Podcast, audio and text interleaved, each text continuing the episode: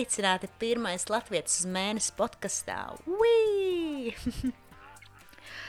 oh, kas par laikiem klausieties? Pasaule lēnām sāk atdzīvoties, uh, Covid restrikšana sāk nedaudz mīkstināties. Es nezinu, kā ir tur, kur atrodies tu. Droši dod ziņas, um, gaidīšu. Uh, Bet uh, es dzīvoju Londonā, un Londonā jā, lietas sāk tīri smuki atdzīvoties. Un šodien bijām izgājuši caur centru, un uh, kafejnīcas, restorāni strādā, cilvēki ar smaidu uz lūpām sēž ārā, tieši tā ārā, jo iekštelpās nedrīkst sēdēt. Ārā sēž, dzer savu uh, rīta vīnu, ēd savu brunču un lunču un runājās ar saviem biznesa partneriem vai draugiem. Um, baigi, baigi foršā sajūta. Um, tik tiešām ilgojos pēc tādas dzīves. It's so funny. Uh, bet jā, ziniet, mums priekšā šodien, uh, kas par sarunu ar ļoti interesantu būtni. Ļoti, ļoti, ļoti interesantu būtni. Um, Katrīna Gupala. Hei! es varētu, es jums varētu ielikt šobrīd emoji ar zvaigznītēm acīs. Mm. Jā, Katrīna. Dziedātāja, mūziķa, māksliniece. Um, un viens no tiem cilvēkiem, kas mani apbur ar savu nu, tādu esību un ļoti māksliniecisko būtību. Viņam, viņai tas nāk dabīgi ārā, un to var ļoti just. Es, es nezinu, man tā, es tagad dalīšos ar tevi un, un sevi, ka man personīgi tā kā, nu, nevisai patīk cilvēki, sorry, cilvēki, kas tā kā, nu, izliekās un šausmīgi kaut ko tēlo un, un varbūt grib līdzināties kādam citam, bet īsti tā kā, nu, to var sajust, tā kā sajūti, ka kaut ko tur pišķi, mm. Bet ar Katrīnu es tā baudīju, jo viņa tāda tik autentiska, tik patiesa. Un, nu jā, par salīdzināšanu runājot, es viņu salīdzinātu ar Bjorku. Viņa mums ir tāda latviešu bjorka, tāda nu, neierasta, neierasta skatuves mākslinieca. Un neparvelti, jo viņa nāk no klasiskās mūzikas uh, backgrounda, un tagad viņa ir iekāpusi diezgan dziļi iekšā popmūzikā. Bet, uh, nu, jebkurā gadījumā dziesmas, ko viņa pasniedz, nav tādas, uh, ih, ah, iestrās popmūzikas dziesmas. Tur ir tāda dziļa būtība iekšā, bieži vien dziļa sāpe. Un, un sarunā es uzzināju, kāpēc, un es arī uzzināju, kas viņa par cilvēku ir vairāk. Ļoti, ļoti, ļoti iedvesmojoša meitene. Un es ceru, ka uh, vairāk cilvēki klausīsies viņu, uzņems viņu, un viņai nāk ārā jauna dziesma, agonija. Un reklāmas rullīši būs pieejami gan, protams, loģiski viņas lapās, bet arī pirmais Latvijas mēnesis podkāstu Instagram lapā un arī YouTube. Tā kā ej un skaties nost vai klausies, um, bet arī šeit tu kaut ko dzirdēsi no viņas mūzikas. Mm. Bet tā kaut kā, bet ja tev jebkurā mirklī šķiet šī saruna iedvesmojoša vai varētu noderēt kādam no taviem draugiem, ģimenes locekļiem, noteikti šēro nost, tāgo mūs iekšā, vai tas ir Instagram posts vai Facebook posts, vienalga kur. Mēs būsim ļoti, ļoti pateicīgi, jo arī mēs augam un vēlamies augt tikai vēl lielāki un skaistāki. Tā kā tā, paldies!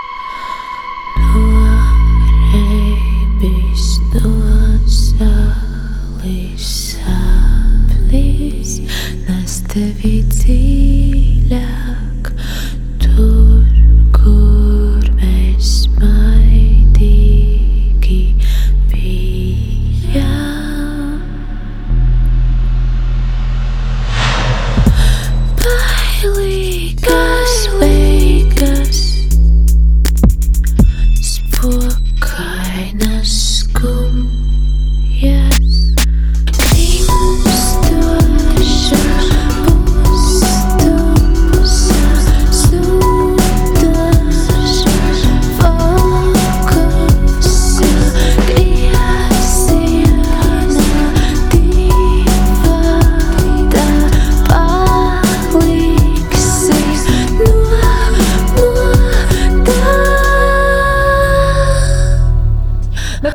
esam kopā ar superīgo, smaidīgo Katrīnu Gup- Gupolo. es par daudz jau esmu sadomājusies par tavu uzvārdu. Saki, no kurienes tavs uzvārds nāk? No Ukrainas. No! Ukrainas. Jā. Tad tu esi Ā. ukrainiete. Jā, pa pusē. Wow, nezināju. Mm, Jā. sveiki, eksotika.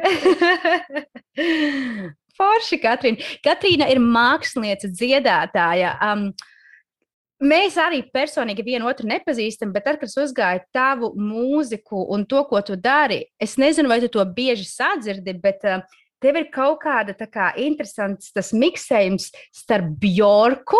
Ja, tā kā ir tas kaut kāds tur tāds bešķiet ekso ārā, un tad, nezinu, kaut kas no Lanas Delrey, un tad teātris, ļoti teātris un, un, un, un džēs. Es pilnīgi man tāds, kas, kaut kas tāds ļoti unikāls latviešu um, auditorijai, es teiktu tā. Kā tu pati par to visu jūties, un kā tu sevi definētu, kā, nezinu, kas ir tā tava sfēra mūzikā, vai tas ir pops vai džess vai viss kopā? Uh, nu, tu pareizi pateici, un arī es sevi cenšos baigi nedefinēt. Es cenšos darīt to, kas Mhm. man patīk, un mm, nelikt kaut kādas robežas, un vienkārši darīt tā, kā mūzika grib. Piemēram, es rakstu dziesmu, es jūtu, kā, kā viņa gribētu izklausīties, kā, kādā virzienā viņu labāk aranžēt, un tā arī es daru. Mm -hmm. Ok, interesanti. Bet uh, par to tavu mūzikas ce, uh, ceļu un kā tu uzsāki, no kurienes tev tas nāk? Jo es, saku, es gribu tevi no tevis tagad vairāk informācijas. Izdegt uzzināt, kur tas ir uh, iekšā bijis, vai tas tev ir ģimenē, vai, vai tu pati to atradi, vai kāds tevi ietekmēja, iedvesmoja. Nu, tas ceļš bija tāds uh, tiešām ļoti interesants un, un uh, daudzas negaidītas lietas notika, jo sākumā nebija tāda plāna, ka es būšu par mūziķi. Sākumā bija plāns par uh, Rīgas franču liceju. Mans tētis bišķi mācīja franču valodu, un viņš man mācīja un palīdzēja. Un tas, un tas bija tāds sapnis to Mm. visu Francijas lietu, un mūzika, mūzika vienmēr bija, bet tas bija tā kā vairāk, nezinu, ģimenē vienkārši, nezinu, dziedājām tautas dziesmas braucot uh, no Rīgas uz Dikļiem, kur mums bija māja. Tas bija tāds, tāda neatņemama sastāvdaļa, bet neviens nebija profesionāls mūziķis, un tas bija tikai tāda veselē sirdī. Mm. Un, uh, un tad uh, kaut kā pilnīgi negaidīts gāju uz vienu tādu pulciņu, kur bērni dziedāja kaut kādas ukrāņu dziesmas. Un tur bija skolotāja, kurai meita bija aizgājusi uz mediņiem mācīties. Un viņa jautāja maniem vecākiem, kāpēc viņi nesūta mani. Un tad viņam pirmo reizi ienāca prātā, nu, vispār doma, ka kaut kas tāds varētu notikt, un viņi man aizsūtīja. Es nebiju vispār, nu, es, ne, es nebiju gatavojusies, man nebija nekāda iepriekš kursi, es nemācēju notis, es ne, nu, ne, nekas nebija jau. Un, uh, un mani nepaņēma budžetā. Man teica, ka, nu, ja ļoti gribās, tad var tā kā iet par maksu mācīties. Jo, Mm. nu, dzirdes nav, ritma nav, nu, nu, nav, bet, ja jūs ļoti gribat, nu, uz priekšu. Nu, un mēs aizgājām, un tad es vienu gadu nomācījos, un tad, laikam, es biju ļoti čakla meitene un beidzu kā labākā skolniece. un Oh, wow. Uztrenēju ritmu, tā tas viss panesās uh, tieši klavieru līnija. Mm -hmm.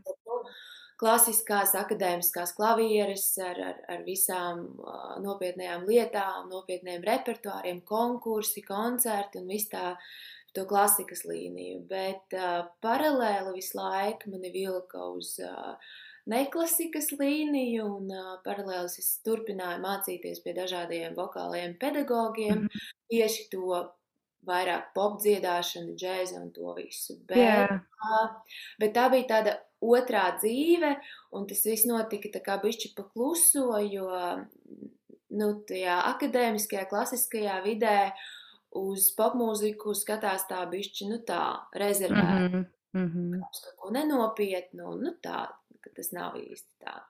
Un tad es pakluso, pakluso, tad man bija fantastiska grupa, ar ko es izpildīju franču repertuāru, un tas viss aizvien vairāk uzņēma apgrieziens, bet tik un tā tas bija tā pagrīdē. Mm, wow. Un tad jau vēlāk, jau pēc tam, kad biju izmācījusies, beigusi Emīļa Dārziņa mūzikas skolu, beigusi mūzikas akadēmiju Latvijas, biju Mhm. um, Londonas Karaliskajā akadēmijā, biju Santa Barbaras akadēmijā. Tas viss ir klavierēm un viss baigi labi veicās, un viss ir baigi, baigi super. Bet uh, vienā mirklī uh, es tomēr kaut kā tā dziedāšana izlīda virspusē, izlīda ar izrādi, kas bija veltīta Etītas Pjafas simtgadēji, kur mēs uzstājām ar manu draugu pianistu Andreju Soginu, un tas kaut kā negaidīti priekš manis pašas tas tik labi aizgāja, un cilvēkiem tā patika, kad es pirmo reizi aizdomājos par to, ka, nu, varbūt, varbūt tomēr es varu tā kā to savu patieso aicinājumu darīt pa īstam un Mhm. līdz galam, un nekautrēties, un varbūt tas ir tā vērts. Un tad uh, arī, arī tad uztaisījām vēl vienu izrādi, un, un tad es sāku komponēt savas dziesmas, un tad kā aizgāja ceļš citur. Paskaties, kā redz, Īsumā, īsumā, jā. vidu tur bija vēl viens atzars ar teātri, jo man ģimenē teātris ļoti, ļoti ir svarīga lieta. Mans krustās ir Hermans Paukšs, Mm. režisors, rakstnieks un dramaturgs, un tad nu, viss, viss apkārt ir teātri, un tad vienu mirkli es arī gribēju teātriet studēt kultūras akadēmijā, bet arī pēdējā mirklī kaut kā sapratu, ka tas ir, es nezinu, kāpēc man toreiz bija tāda doma, bet ka Mhm. mūzika ir sarežģītāka, tāpēc mācīšos mūziku. Jā, bet zini, kāds klausos tevi, un man tāds, oh, redz, kā tā tad. Lai tu kaut ko panāktu un izdarītu, tev pa lielam tas ir jādara. Vienkārši jāņem aiz grožiem un jādara. Jo redz, kā ka tev viss tā bija tāds pakluso, pakluso, un tev bija tāds, ok, kaut kas ar šo visu jādara, un jūs paši uztaisījāt izrādi. Nu jā, nu jā. Bet tas, zini, kā tas bija kaut kādiem tādiem viļņiem, ir tīpaši tīņu gados, kad visu laiku bija tā kā jāizdara izvēle. Nu, Mhm. Vai nu tās klasiskās klavieres, un tad es izdzēšu visas bildes, kuras dziedu no, nezinu, tur Facebook, no visurienes, vai nu nē, tagad es braukšu uz Ņujorku, bija arī tāds moments, mācīšos džeza vokālu, klavieres nē, klavieres visu uz redzēšanos, pat pateicu savam profesoram, ka es vairs nespēlēšu. Nu tā, un tad Tagad tikai kopš, īstenībā kopš pandēmijas sākuma ir tas mirklis, kad es esmu salikusi šīs divas lietas kopā. Es dziedu un spēlēju klavierus vienlaicīgi. Un Mhm. es esmu sapratusi, ka nav nekas jāizvēlās, ka tas viss mani papildina un tas viss ir forši. Un, un, un, un tas ir arī ar to es esmu unikāla un varbūt nu, neesmu gluži 100%, bet varbūt 90%, kas uh, cilvēki tomēr mazāk, kas to dara vienlaicīgi. Oh, jā, noteikti. Kāpēc, tā kā, kā tu varbūt pati izskaidrotu, kāpēc bija tā izvēle visu laiku tas tā kā domāt ar sabiedrības vairāk tas uzspiedums, vai tieši tāpēc, ka tu saki, tā kā, nu, klasiskajās mūzikas pasaulē ir tāds, nu, ka tā, ka, es nezinu, kaut kas tā kā viens ir jāizvēlās, gluži nevar dziedāt un spēlēt kopā. Tā kā, kas, kas bija tie šķēršļi? Hmm?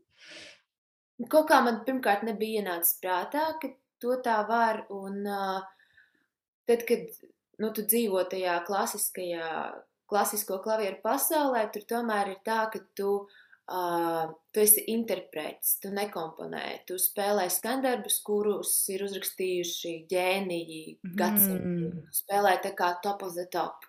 Tu spēlē Ok. vis, vis, vislabāko, un tad tu iegūdi sevi tikai tajā, nu, tā kā lasījumā, tā kā aktieris, tu vari pateikt, vienā veidā vai citā veidā, un atdzīvināt to tekstu. Un, uh, un tāpēc pirmkārt doma par to, ka es pat varētu kaut ko komponēt, man likās nu, nereāli, tāpēc ka priekš kam.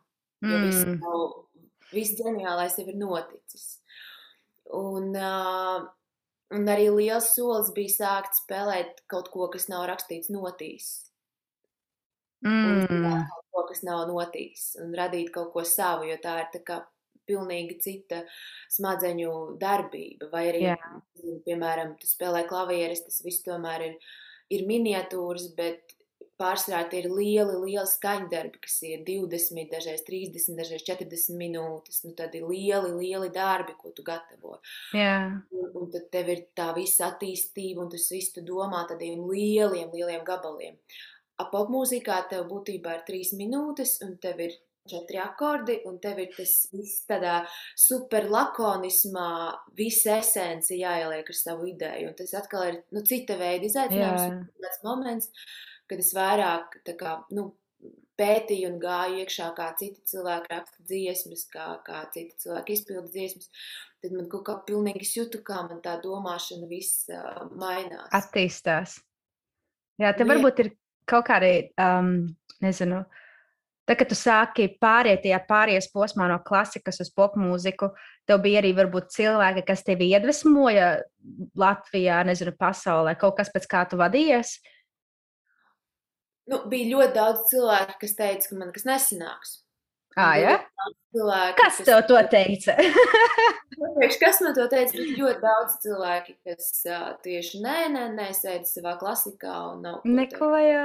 Jā, un ka tev nekas nesanāks, un, un ka tu nu, nemāki, nevari, nekas nebūs un aizmirsti. Look at me now.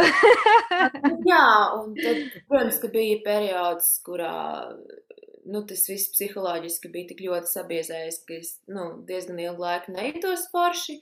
Bet, nu, toties tapa daudzas sirdi plošošas dziesmas.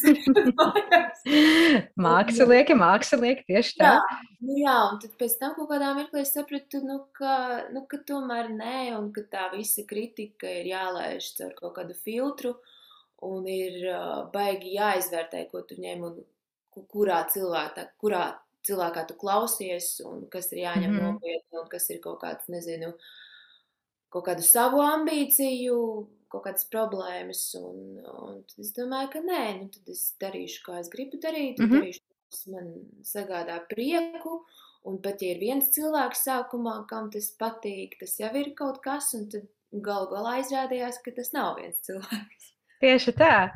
Man liekas, ka, zin, kā, cilvēki vienmēr pavilksies uz to, kad viņi redzēs, ka tev pašai patīk, ko tu dari. Ja? Un tev vienkārši, ka tu esi tajā stadijā, ka viss man ir vienalga, ko citi domā, es gribu to darīt. Un man liekas, uzreiz tā kā arī cilvēki pavalkās to, nu, viņi saskata tevī to, ka tu izbaudi to, ko tu dari. Nu jā, jo ja tu baigi centies izdarīt tā, lai, lai visiem citiem patiktu, un lai visiem citiem viss būtu baigi labi, tad, tad, nu, tad nav kaivs, nav drives, mm. -hmm. nav enerģijas, nekas nav, un tad to baigi jūt, ka tas ir tā kaut kā stīvi. Un... O, jā, tieši tā.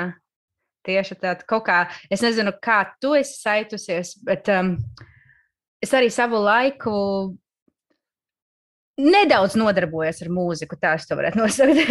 Un tagad es to darīju, es sajūtu to, ka um, skatītāji, klausītāji ļoti var nolasīt tevī, vai tev ir bail, vai tev ir stress. Un tā kā ir ļoti jāpārvar tam, lai tu pārliecinātu viņus, ka tu esi pārliecināta. Vai Nu ne? jā. Tu arī izgāji tam posmam cauri, ka tev bija tāds, ka tev ir bailes, un tev liekas, ka visi to redz, un tas ir kailas skatuves, ka viņi redz, ka tev ir ļoti bailes. Jā, tas kaut kā vairākos viņos bija. Viens bija ar klavierēm, kas man arī likās, ka tas uh, kaut kādā veidā norādīja manu pareizo ceļu. Man bija šausmīgi bailiet spēlēt klavierus uh, uz skatuves. Nē, normāli bail. Man bija, es biju gatava zem tramvaja skriet. Nu, Ak, Dievs! Nu, izlauziet man roku, nu, nu, izdariet kaut ko, es, es neiešu tur, es nespēlēšu. Man šausmīgi bail. Lai gan man ļoti patika, bet man Jā. bija ļoti bail. Bet ar dziedāšanu es vienmēr varēju iet, nezinu, nemākot tekstu, tur, nezinu, pēc ballītes, uh, nu, jebkādā kondīcijā. Un uh, viss bija vienmēr labi. Es gāju ar pārliecību, un kaut kā uzreiz bija connections ar cilvēkiem, un viss notika. Aha. Tas, tas man arī kaut kādā mirklī lika aizdomāties par to, kas, kas, kas man ir jādara. Bet tāds, nu, patiešām tāda brīvība uz skatuves nāca šovasar, nu, tāda simtprocentīgā, mm. -hmm. jo Latvijā bija uz kaut kādu laiku um, vaļā un bija iespēja vismaz kaut kādam cilvēku daudzumam uh, koncertu, lai notiktu. Un tas forši sasaucās ar, ar manu formātu, kurš tikai dziedā un spēlē klavierus. Esmu viena, līdz ar to tas ir tāds, nu, Mm tas -hmm. ir iespējams norganizēt. Tur nevajag orķestru. Jā. Un, ā, un tad tie koncerti bija tik bieži un tik daudz, un arī bija iespēja kaut kā forši runāties ar cilvēkiem koncertos. Un es vienā mirklī sapratu, ka vairs nav vispār nekāda, nu, ka es eju uz skatuvi tā kā, tā kā es eju uz mājām. Super. Nu, ka žēl kaut kādā mirklī man pat gribējās, ka tik, nu, atkal, atkal Jā, jā. Bet, nu, at, atnāca, tad viņš ir tādā foršā balansā, jo tas ir arī, es domāju, ka tas da, daudzās profesijās ir kaut kādi tādi satraukuma momenti, bet tu vari viņus uztvert kā kaut ko riebīgu, no kā tu baidies, mm -hmm. kaut ko nepatīkamu, ko tu centies pārvarēt, bet ja tu to uztver kā tādu patīkamo satraukumu, es nezinu, tā, ka tu esi iemīlējies, tas jau arī ir līdzīga sajūta, tāds kaut kāda kņudēšana vērā. Jā. Ja tu to uztver kā kaut ko foršu un ļaujies un izbaudi mm Mhm. -hmm. to, to trako sajūtu, kad viss, nezinu, laiks bišķī mainās un, nu, pasauli mainās, tā, kad tu esi tādā adrenalīna stāvoklī, tad, Jā. ā, tad, tad ir forši. Oh, jā, tev ir bijis kā atšķirīgas sajūtas, kā tas ir, kad tu uzstājies un tev ir nedaudz tas stresiņš dzīvajā, un tagad uzstājies, nezinu, ierakstam uh, televīzijā. Ir kaut kāda atšķirība ar to visu, vai, vai es, es vienkārši pieņemu, ka varbūt televīzijā, ja tu uzstājies, tu varbūt jūties pat mierīgāk, jo varbūt tur nav tik daudz skatītāju, kā ir? Nu, televīzijā ir traki vienmēr, tāpēc, ka tas ir agri no rīta, un tu neesi līdz galam atmodies ar balsi. Iesildījies, jā. ir- Ir tikai tās trīs minūtes, un tur ir vai nu visu, vai nu neko, un tur jebkas var notikt un aiziet greizi. Tā kā nu, man televīzija ir visbailīgākais. Bet arī man ir prieks, ka tas pēdējā laikā bieži notiek, un es jau arī, arī pierodu un arī Mhm. Sāku izbaudīt. Bet interesanti, ka bija tagad viens online koncerts, kas gāja Facebook live no robežiem, un tur pat cik ilgāku laiku nebija vispār nekādu koncertu, bija tikai darbs studijā, pat cik viss ir aizklāpēts ciet. Tad man bija atkal, man bija tāds atbild, un es biju tik laimīga, un man, man bija bail, bet tas bija tik labi. nu, Zini, kā noilgojusies pēc tās sajūtas. Jā, jā. tad, sanāk, kad tad bija sanāk, pēdējā tava uzstāšanās bija pagājušajā vasarā, un tad šī te uh, Facebook live vai kaut kas Nē, nē, vēl nē, bija? bija, vēl, ā, man liekas, ka pēdējais koncerts man bija novembrī. Tas bija Ok. Igaunijā. Igaunijā vēl ilgāk varēja bišķi nekā pie mums. Latvijā Mm. mm. pēdējais ziemeļblāzmas pilī, tas bija oktobrī. Mhm. Nu, un tad tagad, tagad atkal kaut kas, kaut kas. Nu, tagad jau atdzīvosies, atdzīvosies. Es domāju, no cik var vienkārši. Ne, nevar vairs. Es domāju, gan nu, pirmkārt, man liekas, tas ir nezinu, gan fiziski, gan mentāli grūti, gan nu, finansiāli arī es pieņemu. Nu, ka taču ir kaut kas cilvēkiem jāiet un jādara. Mm. Jā, es gribēju te pajautāt par, tie, par tavām pieredzēm, tā, kad tu aizbrauci studēt uz Angliju un tad arī uz Ameriku. Kā tas Jā. nācās? Tas viss bija tikai klavieres, jā, ā, Jā, vai, jā. un, ā, kā, kā tas sākās? Kurš tevi pavilka uz to, vai tu pati izdomāji, kāpēc tieši ārzemes, kāpēc ne Latvija? Mm? Uh, es biju no tiem, uh, no tiem cilvēkiem, kas es pati ļoti aktīvi meklēju. un Es Mhm. jūtu, ka, ja es darīšu tikai to, ko no manis prasa skola, ka, un pat ja es pie tam man būs ļoti labi rezultāti, ka ar to ir par maz. Nu, es kaut kā intuitīvi jūtu, ka Mhm. tā, ka tā, tas ir pārāk vienkārši. Un uh, es ļoti meklēju visu kaut kādas iespējas, gan meistarklases, uh, konkursus. Es nu, gribēju dabūt to pieredzi, jo es jūtu, ka, nu, ka vajag, vajag to sajūtu, ka konkurence ir lielāka un ka, mm Mhm. -hmm. ka tā konkurence, kas ir starp kursa biedriem, ka viņi ir par mazu, lai būtu tiešām kaut kāds progress un lai, lai būtu kaut kas arī tālāk. Pēc, pēc tam, kad tu esi dabūjis savu desmitnieku, pabeidzot, nezinu, kursu vai skolu, un ar to, ar to jau viss tikai sākās. Un, mm Mhm. -hmm. uh, es ļoti gribēju aizbraukt kaut kur studēt uz ārzemēm, bet kaut kā, kaut kā tas sanāca tikai uz maģistrantūru. Uh, lai gan es biju pirms tam braukusi ļoti, ļoti daudz arī uz uh, ārzemēm, tieši meistarklasēm papildināt. Oh, ok, super. Un, uh, un jā, es izteicu Londonā. Kāpēc Londonā? Laikam, laikam tāpēc, ka man draugs tur bija studējis, un viņš zināja, mm. viņš man Mm. ieteica, pie kā un kas un ko un kā. Mhm. Bet uh, man kaut kā toreiz nesagāja galīgi.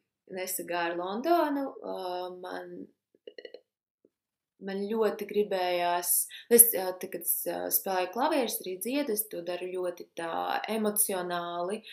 un uh, karstasinīgi. Jā. Savukārt, uh, savukārt uh, Londonā tajā visā piegājienā klavieru spēlē tieši klasiskajā mūzikā. Mm -hmm. Viņiem vairāk tāds, tāds dekoratīvs pieejams. Mhm, Tāds, mhm. oh, that's interesting, that's interesting. Un viņi, tad, kad viņi redz, ka tu spēlē ļoti tā emocionāli, pat cik, laikam, nu vienkārši tā vēsturiski ir sanācis, ka viņiem nav tik daudz savu klasisko komponistu, viņiem ir eh, roka mūzika, pop mūzika, džeks, tas ir, tas ir jā. Bet klasiskajā mūzikā īsti nav. Un Jā. viņi kaut kā apjūg. Nu, man, man bija tāda sajūta. Un tad mm Mhm. -hmm. viņi sāka teikt, ka, oh, that's sentimental, un, oh, nē, nē, nē, Rahmaņinovs, nē, nē, tas.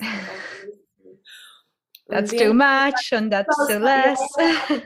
Vienreiz, tas izklausās tā kā amizanti, otrais amizanti, bet trešoreiz tu sāc domāt, nu kā, nu tad viss, kā tu esi izmācījies, tev ir viss jāmaina. Mhm. Bet es īsti negribēju, un tad, lai gan es biju paņēmusi arī kredītu Latvijā lielu, es uh, nepaliku tur līdz galam, es saistinos pēc viena gada prom, un, un, un viss, un, uh, un aizbraucu uz Ameriku. Mhm. Un, uh, tas bija, tas bija ļoti negaidīti, ka es tur iekļuvu. Tas ir uh, Santa Barbara, Kalifornijā, uh, tad, um, Music Academy of the West. Un, uh, Mhm. Tur ņēma uz pilno stipendiju. Un tur Mhm. bija tikai astoņi pianisti no visas pasaules, ko viņi paņēma. Un bija arī tāds, nu, es aizsūtīju savu video, pat Mhm. neatcerējos, ka es aizsūtīju. Man pēkšņi atnāk atpakaļ, o, viņi man paņem. Tāds, Wow! Un, uh, un tur bija pilnīgi, pilnīgi cita lieta. Tur bija um, visi tā kā nu, dzīvās leģendas no Amerikas, vēl no Ņujorkas daudz profesori, un tur izveidojās kontakti. Tas bija tā kā, nu, nu, nenormāli fantastisks piedzīvojums. Un es pēc tam arī ļoti daudziem esmu ieteikusi tur pieteikties.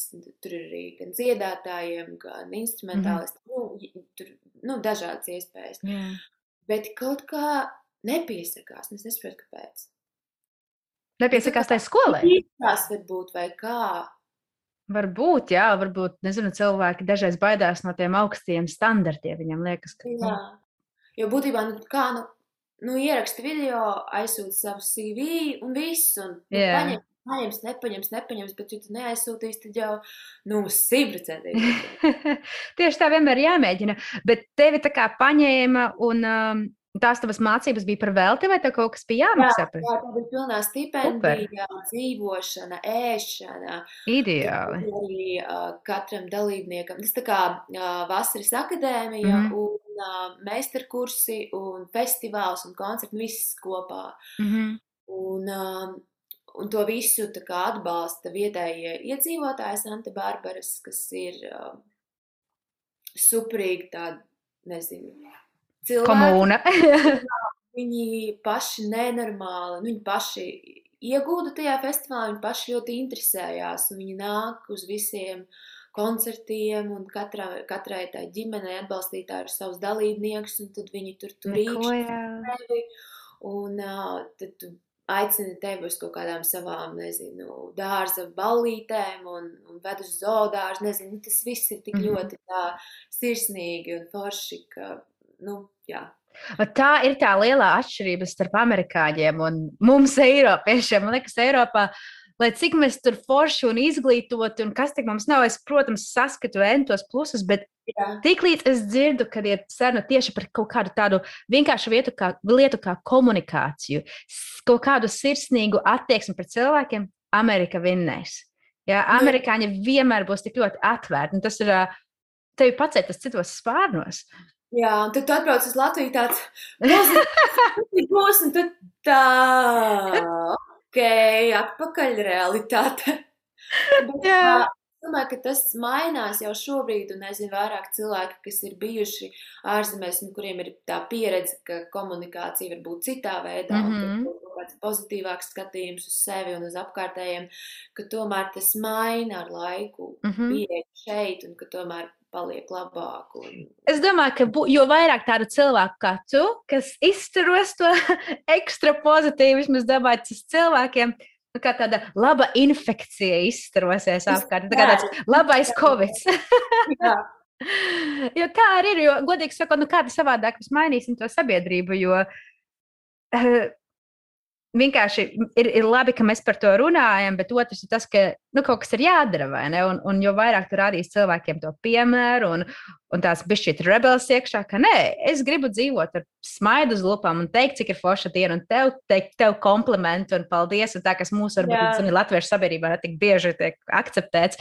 Bet cilvēki paļaujas, un man jau liekas, ka tagad jaunā paudze arī ir atvērtāka un atvērtāka.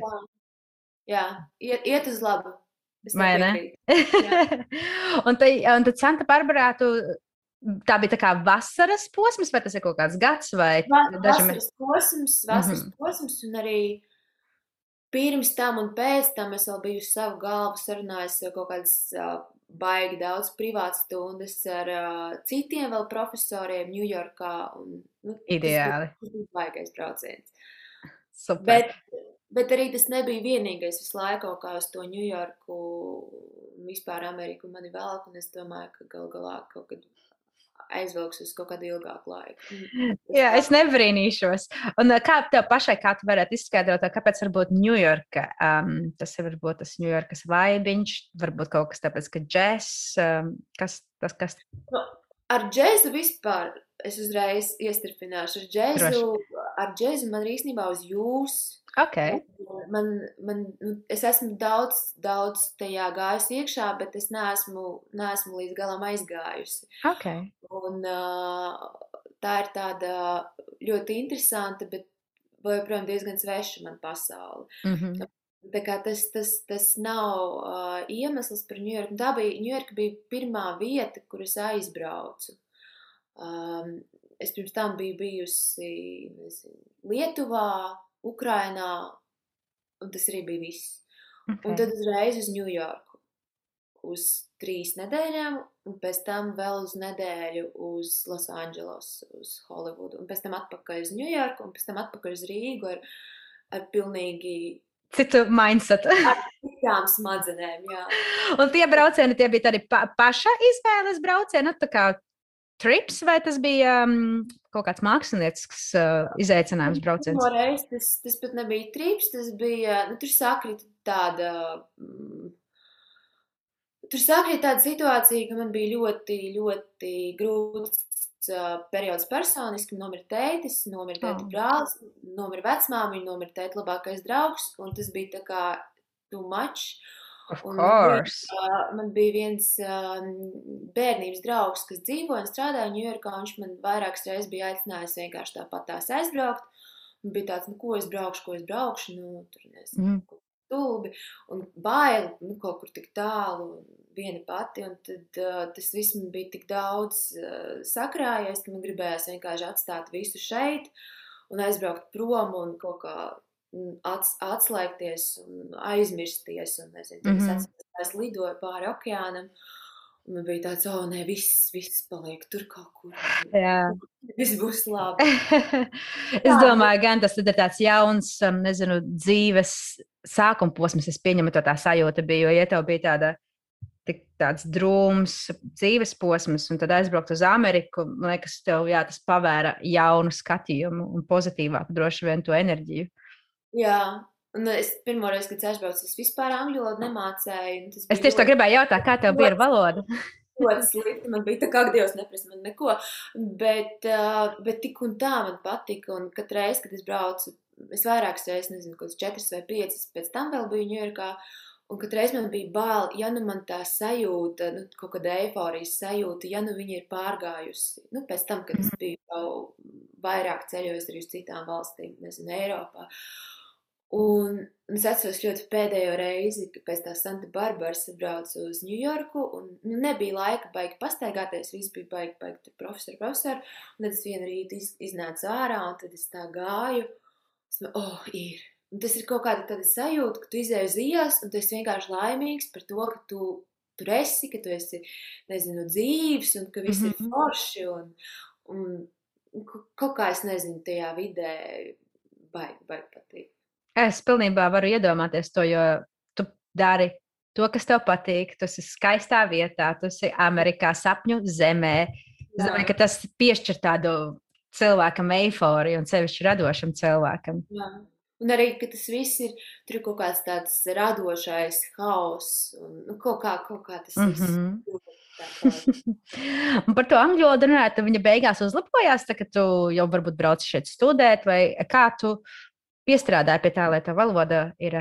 Pamazām, pamazām tas grūti gāja, jo sākumā mācījos franču valodu, franču mm vismaz pirmajās klasēs nebija, nebija angļu valodas.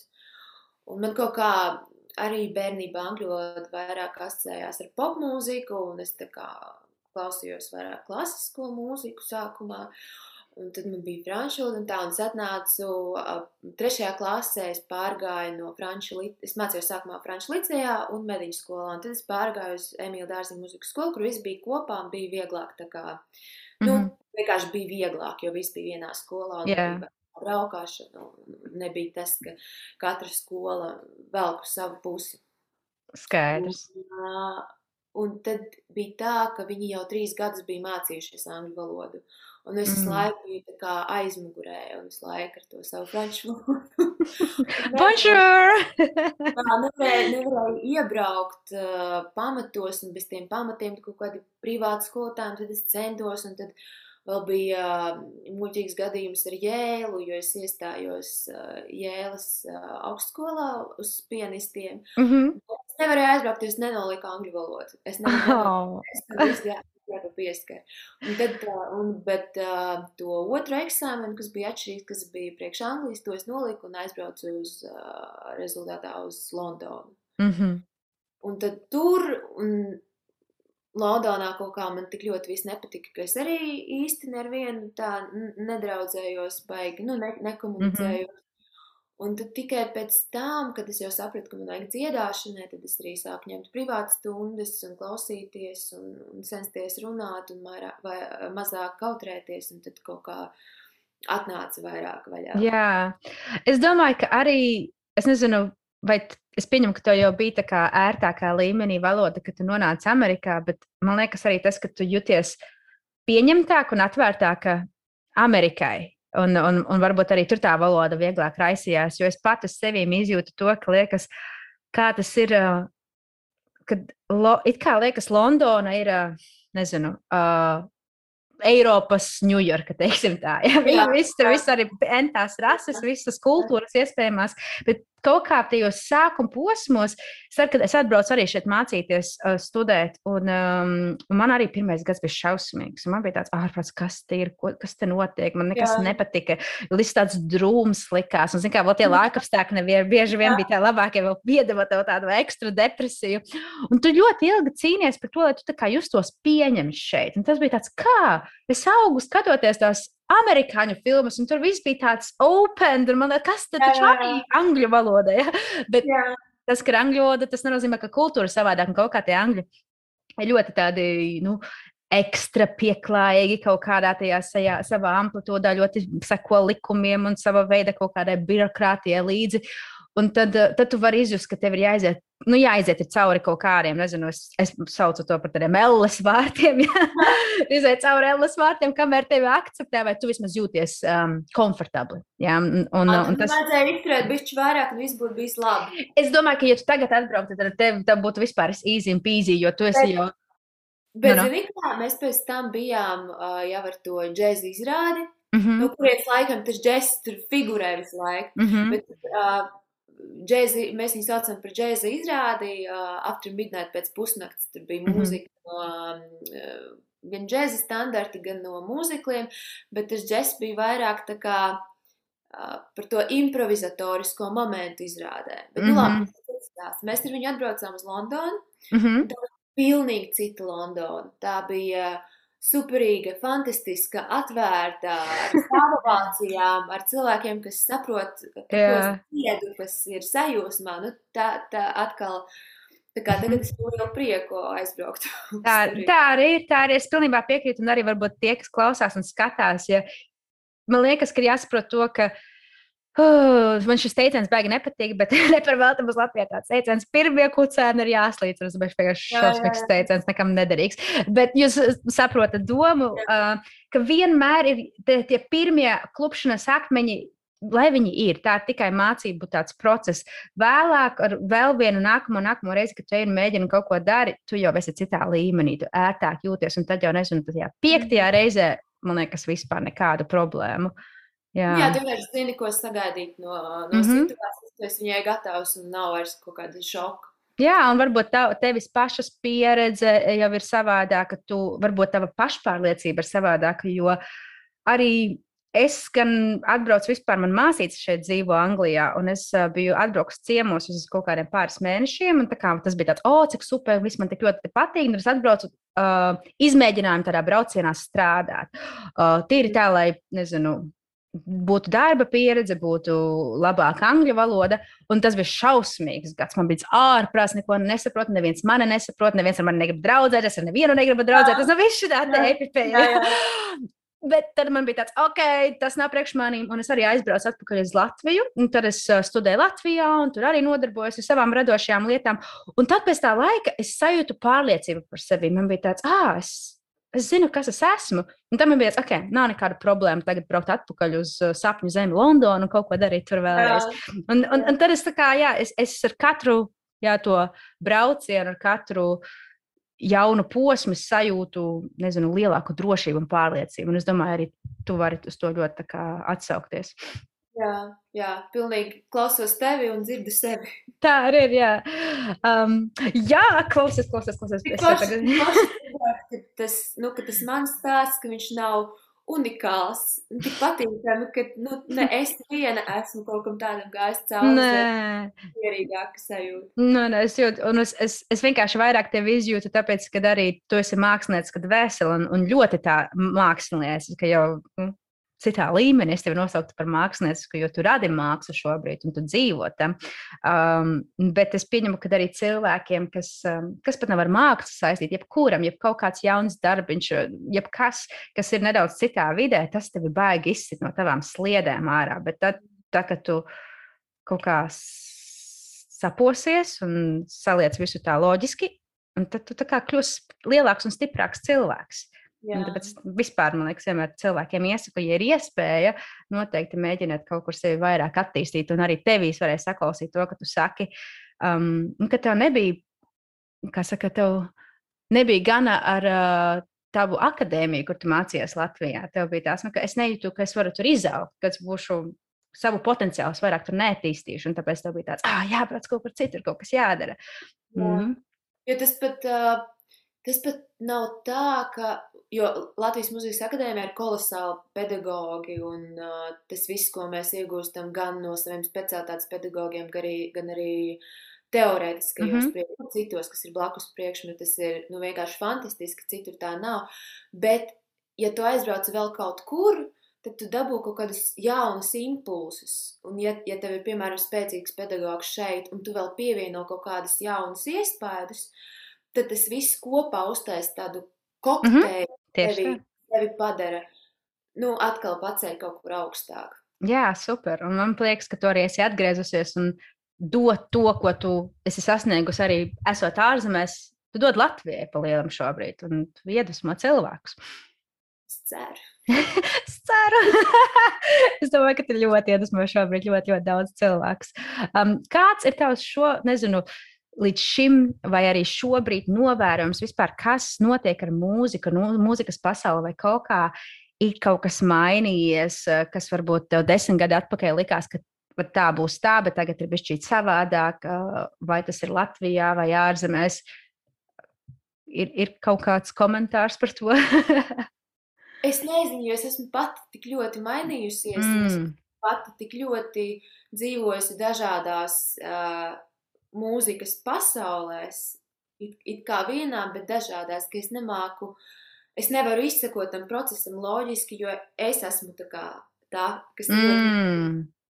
Bet man ir sajūta ļoti par Latviju, ka tagad, ka tad, tagad ir ļoti daudz jauni mūziķi, mākslinieki, kas kaut kā, man liekas, to visu vidi attīsta Mm. dažādos virzienos. Un, uh, es domāju, ka tag tagad ir sācies ļoti foršs process, un ka tuvākajā laikā es ceru, man liekas, ka tas viss kaut kā vēl vairāk uzplauks un būs kaut kādi, varbūt vairāk attīstīsies.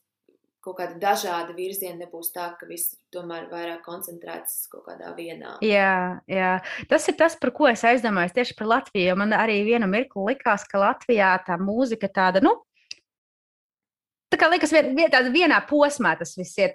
Nebija tā sajūta, ka ir kaut kāda liela daudzveidība vai. Jā, grūti to tā izskaidrot, bet kaut kā es nezinu, varbūt tāpēc, ka mēs esam mazāka valsts, un ka tu pasies, kas notiek ārpasaulē, tad liekas, ah, tur taču viss kaut kas notiek, kas mums jau tā kā nekas. Ja? Bet, jā, un tagad uh, kaut kā arī es esmu pa, uh, pasakoju līdzi, tad liekas, tā varbūt jā, tā jaunā paudze kaut kā nomainās, un, un, un, un jaunas durvis tiek atvērtas vaļā, un cilvēki, mums Latvijā vispār tie cilvēki ir tik radoši. un Tik talantīgi, ja? un tādā liekas, tas tik dīvaini, tādā mazā valstī ir uh, tiešām Ko ļoti daudz talantīgu. Koncentrāts tāds, jā, baigies. Mm, jā, ko tu domā par ukrāņiem un ukrāņu mūziku, kā daļēji ukrānieti? Man ir ļoti liels prieks, ka es esmu daļēji ukrainieti. Mhm. Man, uh, man ļoti patīk ukrāņu mūzika. Nezinu, tas pats monētiks. Uh, nezinu, vai tu zini, bet, ja tu nezini, tev es zinu, tu man tagad pasaki, es, es, ir tā, ka. Liekas, esmu dzirdējis, es noteikti zinu, man ir jāiegūlē. Es domāju, ka, jo, Jā. ko es te gribēju teikt, es arī savā ziņā esmu liela fanāta ukrāņu mūzikai. Believe it or not.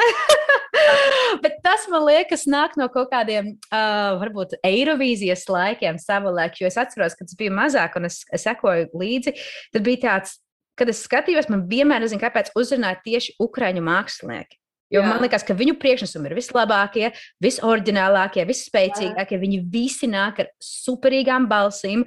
Likās, ka viņi ir pilnīgi kaut kas, kaut kādi, nezinu, aliens. Viņi ir citi. Jā. Viņi, un man tas tāds, un es joprojām skatos, kas arī mūsdienās notiek. Man kā popmūzikas fanātei, tu droši vien zini, ir tā duets uh, Vieme iztiklo. Jā, jā. jā. Man viņam Ļoti- ļoti patīk. Nu, ir Ivans Dārns, protams. Jā. Ļoti, ļoti daudz, viss kaut kas superīgs. Nu, jā, uh, arī Krievijas uh, popmūzika laikam šobrīd sastāv galvenokārt no ukrāņu māksliniekiem. Tā izskatās. Jā. Tās, jā. Es domāju, ka tas ir kaut kāds temperaments, un tas ir, uh, nezinu, smuki. Ukrāņi arī ir diezgan. Mm -hmm, mm -hmm. balsis ir tāds teiciens, ka Ukrainā nedzied tikai slinkais. Jo viss, mm -hmm. nu, viss, viss notiek ar dziedāšanu, visi tie, nezinu, sēdēšanas pie galda, kas ir ļoti arī nu, tradīcijās. Mm -hmm. Lēžēt, varēņikus dzer šņābi un dzīve. Nu, nekur neaizies no tā. Jā, jā.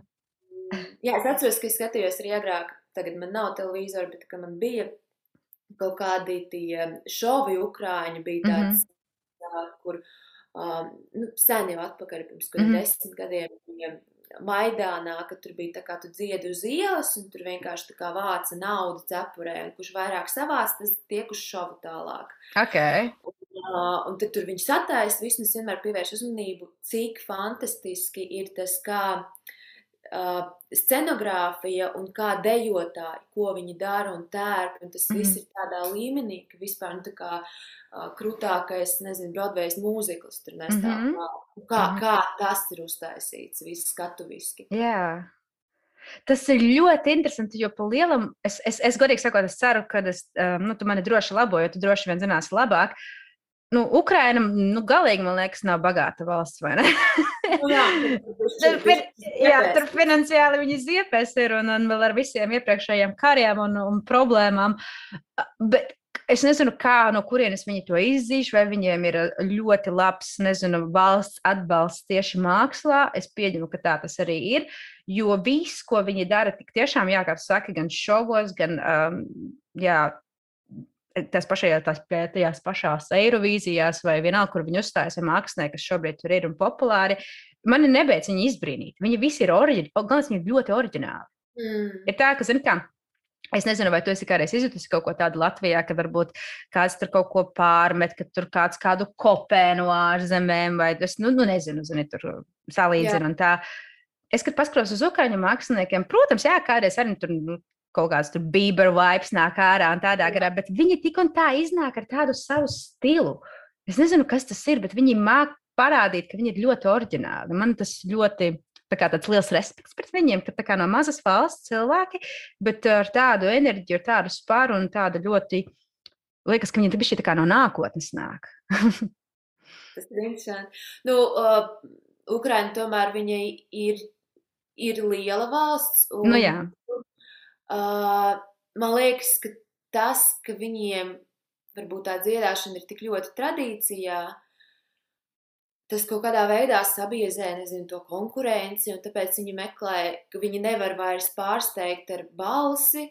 Un tāpēc Mm. viņam vajag, lai ir gan tā balss, gan plus vēl kaut kas, un tas vēl kaut kas, tad Mm. kaut kā super radoši cenšas, varbūt tā kaut kā. Jā, tā ir laba teorija. Forši dzied. Jā, tev pašai ir bijuši nezinu, tādi plāni vai domas, varbūt aizbraukt uz Ukrajinu un tur uzstāties, vai varbūt jau esi to darījusi. Ir, es, ir, es šausmīgi gribu, man tur dzīvo brālis, man dzīvo māsītes un viņu ģimenes, un es šausmīgi ilgojos, un tagad ir pandēmijas, kaut kādu ilgāku laiku neesmu bijusi, un tas tā Mm -hmm. neforši. Es gribu, jā, un es uh, ceru, ka kaut, kaut kas sanāks, un varbūt jāuzraksta kaut kāda dziesma ukrainiski, kaut, kaut, kaut kas jāizdara, jo, nu, man, man, man, man ir ļoti interesanti, kā viņi mani uztvertu. Jā, Tomēr, tomēr klāt tas, tas arī tas cits, tas, tā kā, kas viņiem ir eksotika. Es šeit it kā esmu bijis eksotika, un tas viss tā. Es visur esmu. miksēja. Jā, jā, jā, tā arī ir. Un, cik kā ļoti vēl interesanti tas, ka tu pa lielam, es, nu, gan jau ir kaut kas vēl, ko es nezinu, bet tur pa lielam runā stabili gan jau četrās valodās. Vai ne? Nu, nu stabili es runāju vienā valodā. Es runāju aizvien stabilāk. Okay. Ukrainiski es runāju.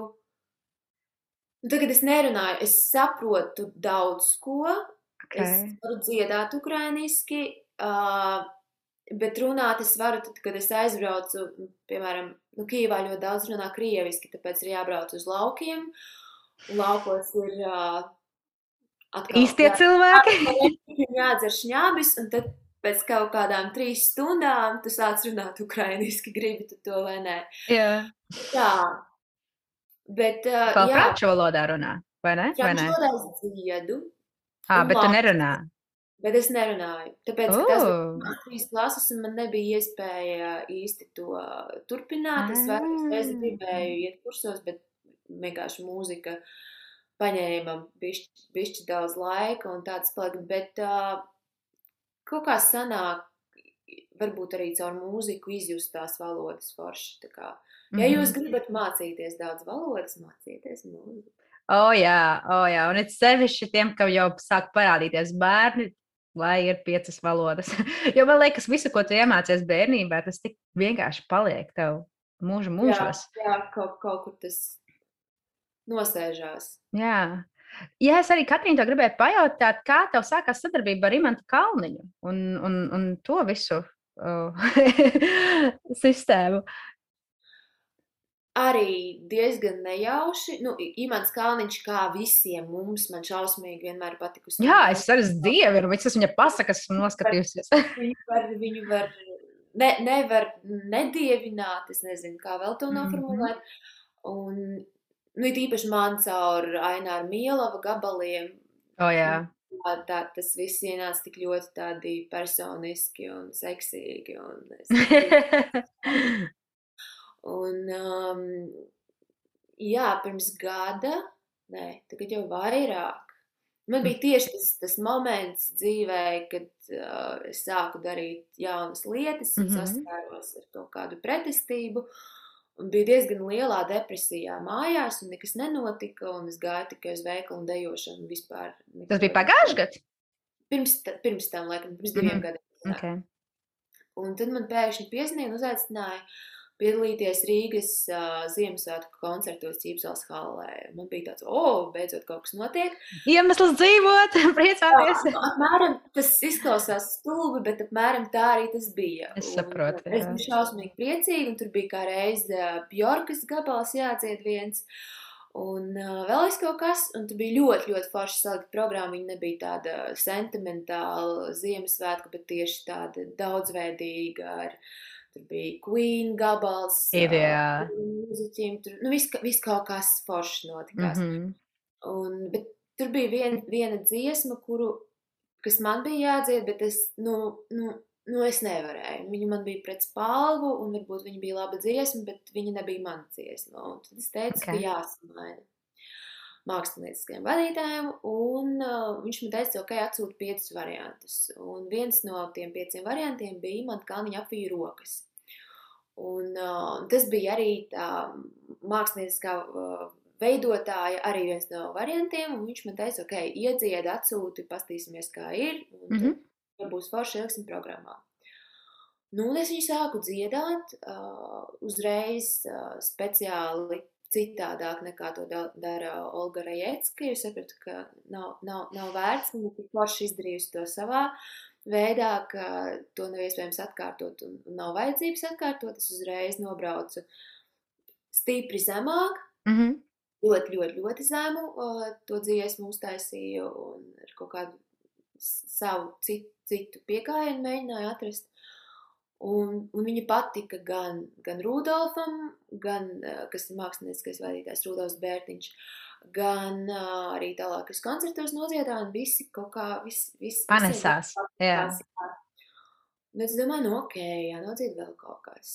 Un tad vēl nākamais, laikam, bija viņi dejoja vienu vasaru, pēc tam vēl kaut kas, un tad pamazām kaut kā, kaut kā aizgāju uz priekšu, es sāku skatīties vēl citas dziesmas, bet tas viss tādā mājas režīmā. Un tad pēkšņi bladāts atvērās vaļā uh, 25 cilvēki. Varēja, uh, nu, pandēmija tieši sākās. Aha, skaidrs. Un tad atvērās, un tad, tad parādījās kaut kādi piedāvājumi koncertēt. Un tad man bija ļoti, ļoti ātrā laikā jāuzstājas vesela koncerta programma. Un Tad es domāju, jo negribējās, lai tās dziesmas izklausās vienādi, gribējās katrai kaut kādu savu aranžējumu, kaut kādu savu odziņu atrast un savu piegājienu. Un tad lielā, lielā tempā es to visu uztaisīju.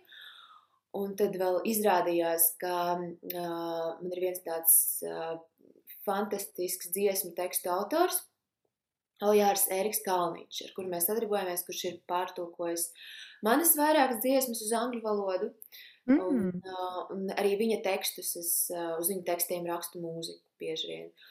Un izrādījās, viņš man pastāstīja, ka viņam bija pirms, es neatceros, 15 gadiem, viņam bija sadarbība ar Imantu Kalniņu, kad Imants paņēma veselu čupu ar viņa tekstiem un uzrakstīja mūziku. Un uh, iznāca albums, um, autobusu un debesīs, bet tur laikam bija dubulta albums vai kaut kā tā, un tās dziesmas kļuva ļoti populāras latviski, bet angliski kaut kā nē.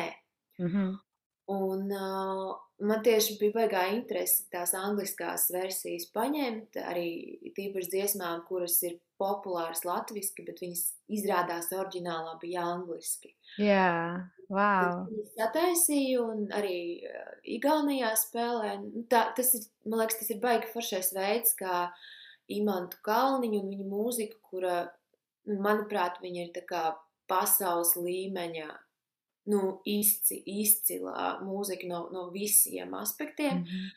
Un ja tā situācija toreiz, nezinu, tajos 70. gados nebūtu tāda, kāda viņa bija, tad es domāju, ka viņš būtu visā pasaulē pazīstams komponists. Un tagad ar tiem gabaliem angliski varbūt, nu, vismaz kaut kādā ziņā ir iespējams viņu mūziku aiznest kaut kur tālāk. Mhm. Tāpēc es ļoti priecājos arī, ka bija pasākums ar uh, Amerikas latviešiem, uh, kur es dziedāju arī tieši angliski. Un kaut kā, kaut kā Super. to tīklu izplest. Jā. Tu pati viņu esi satikusi dzīvē, Imanta Es Kalniņa? esmu satikusi viņu dzīvē, bet tas bija, tas bija šitā garām ejot vienreiz. Tas bija, es biju, es biju maziņa, es piedalījos Imanta Kalniņa, bija kaut kāds dziedāšanas konkurss. Konkurss, jā. Ar Imanta Kalniņa mūziku, un tad es atceros, kā es viņu satiku durvīs. Mhm. Un es dziedāju, protams, dziesmu, bija 12 gadi, un es dziedāju dziesmu, es redzēju sapnī, kā Zālamans. Oh, jā, es dievu to dziesmu. Jo, protams, citu 12 gadu vecumā varētu dziedāt atbilstošāk. Un, Protams. ā, Ja, ja ne par nāvi, vai ne? Un, un, bet toreiz, nu, kaut kā, nu, tas bija tā, bet tas man ļoti palika atmiņā. Bet tagad, nu, pat cik pandēmija nav iespējams satikties, es esmu ar komponistu vairākas reizes sazvanījusies, telefoniski iepazinusies, un man ļoti liels prieks, ka viņš ir kā devis Lietas kuru, kursā un tā. Un, un kaut kad arī es atceros, es um, publicēju dziesmu, kas ir uh, apliecinājums dziesmu, ar ko tu sāksies. Mhm. Tas bija tā diezgan, diezgan bailīgi, jo tā ir ļoti grūta dziesma, un ir korim, un to dzied gan vīrieši, gan sievietes, un tas ir baigi tāds liels um, diapazons. Un es uh, kaut kā atradu, es ļoti gribēju atrast iespēju, kā viņu nodziedāt, kā viņu var realizēt viens cilvēks, un ko, nu, sanāca. Mhm. Man liekas, sanāca, bet tik un tā bija tā kā bišķi bailīgi, kā, kā nu būs. Un es atmostos, un man ir ēpastā ziņa no Imanta Kalniņa, ka, tik, nu, ka man patīk, un ka tik labi, un tāds, oh. O, es domāju, gan.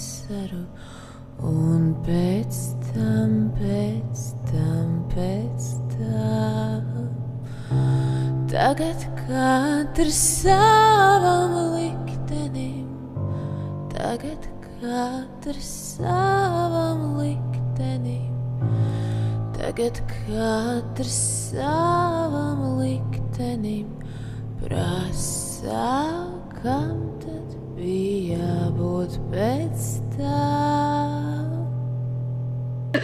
Man arī, man liekas, es pārgaļau, nezinu, no priekiem apčurātos.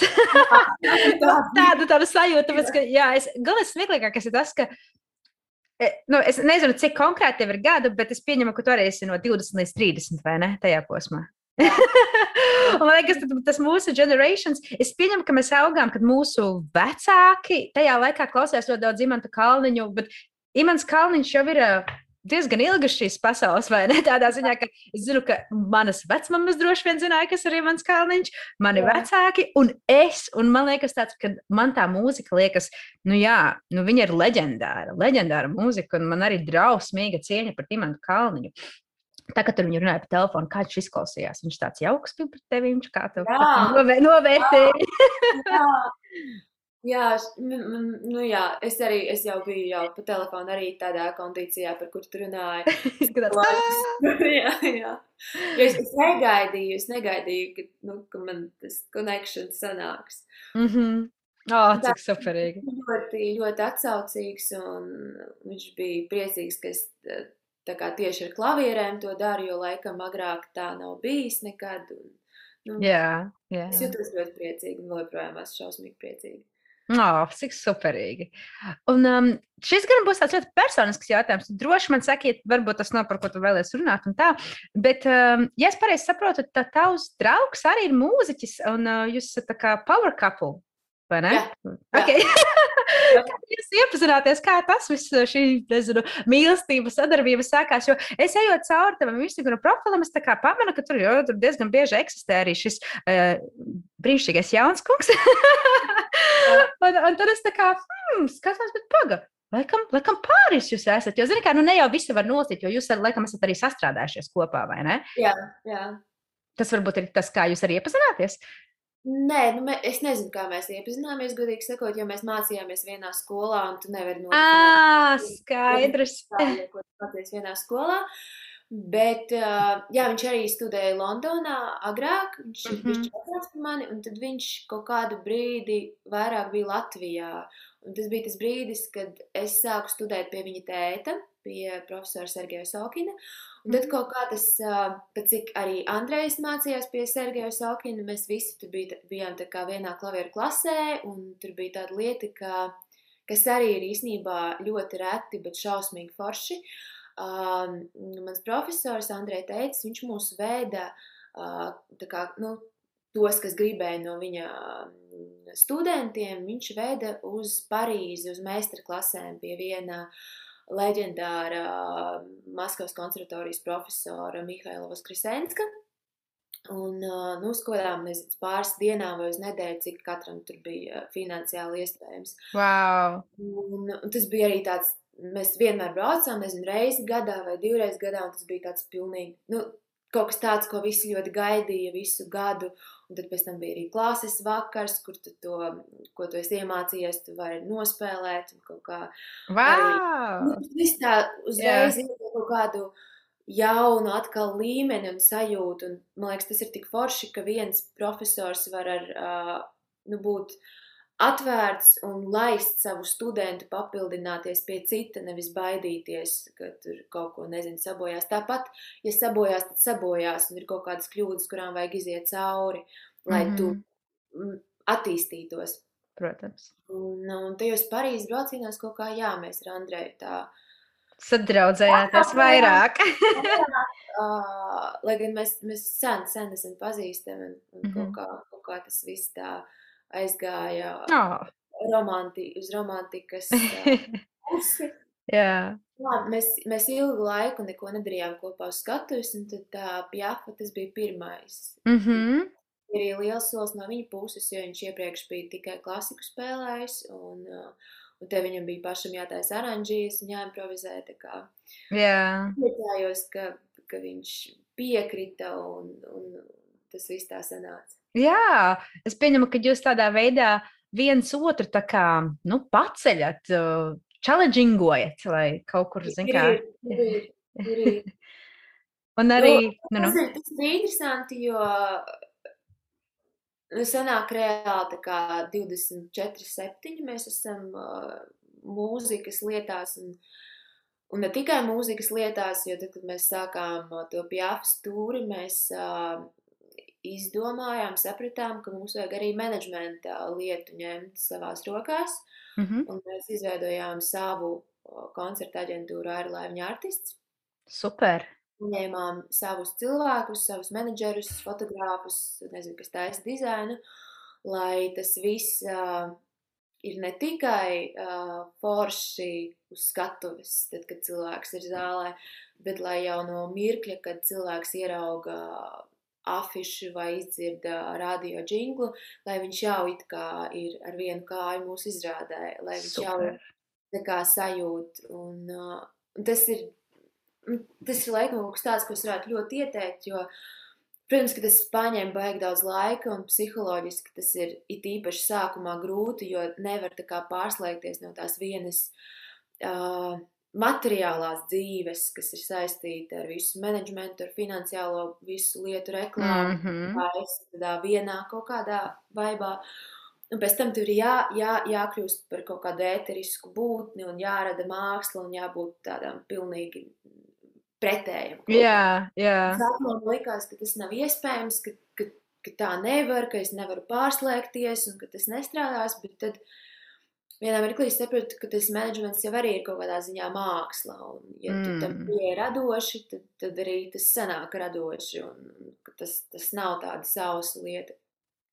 Bet toties pēc tam, izējot visam tam cauri, ir daudz vieglāk saprast kaut kādas lietas, kā viņas notiek, un tu skaties uz sevi ne tikai kā mūziķis, bet tu skaties uz sevi bišķi caur uh, producenta mm, mm -hmm, kas ir ļoti labi. Jā. Tu tā kā vari novērot, ko tu dari, nu, no, no citas puses. Mm -hmm. Kā produktu tu sevi sāc izvērtēt? Nu, jā, tas izklausās briesmīgi, bet mēs mm. esam tur. Jā, jā. Nē, bet tas ir superīgi, ka tu to saki, jo man liekas, ka ļoti, ļoti daudz mūziķi, it sevišķi, man liekas, Latvijā saskarās ar to menedžmenta problēmu, jo mums Latvijā um, attiecības ar menedžeriem ir tādas vēl salīdzinoši jaunas. Nu, tā ka savu laiku tādi menedžeri tikai, nezinu, retajam bija, nu, kaut kādiem tur vienam, diviem tur cilvēkiem vai, vai grupām. Tagad ir tāds, ka visi to dzird, un tā kā jā, jā, jā, visiem vajag menedžmentu, menedžerus, bet īsti, nu, Es nezinu, vai tāpēc, ka mums nav daudz šobrīd. Jā, jā, arī tas nav daudz, nav pieredzes, nav, es nezinu, uh, varbūt mums Latvijā tas tirgus nav tik liels, lai viņi būtu tik ļoti pieprasīti, bet mhm. šodien. Es, jo es arī zinu, ka to patinot manu lentu atpakaļ, tad, kad es sāku tur mākslu nodarboties, tad bija tāds uh, izlikšanās periods. Ja es, es rakstīju ēpastus, kas bija Signas menedžere, bet es biju. Es... Man liekas, mēs visi ejam cauri tādam posmam, vai kādreiz arī iezvana telefons. Tāds, jā, es viņai nodošu oh! ziņu.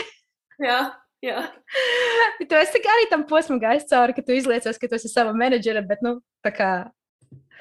Tā vai nē, es esmu, es esmu, um, es esmu ielikusies, ka es esmu X menedžeris savam draugam. Oh, Tāpēc, okay. Kā es būtu menedžeri. Bet, Skaidrs. Jā. jā, tas tā ir lieliska pieredze. Pagāja, jo, jo mēs atradām superīgus cilvēkus, ar ko sadarboties, un, un tas viss kaut kā, kaut kā aizgāja tā. Dabīgi aizgāja. Jā.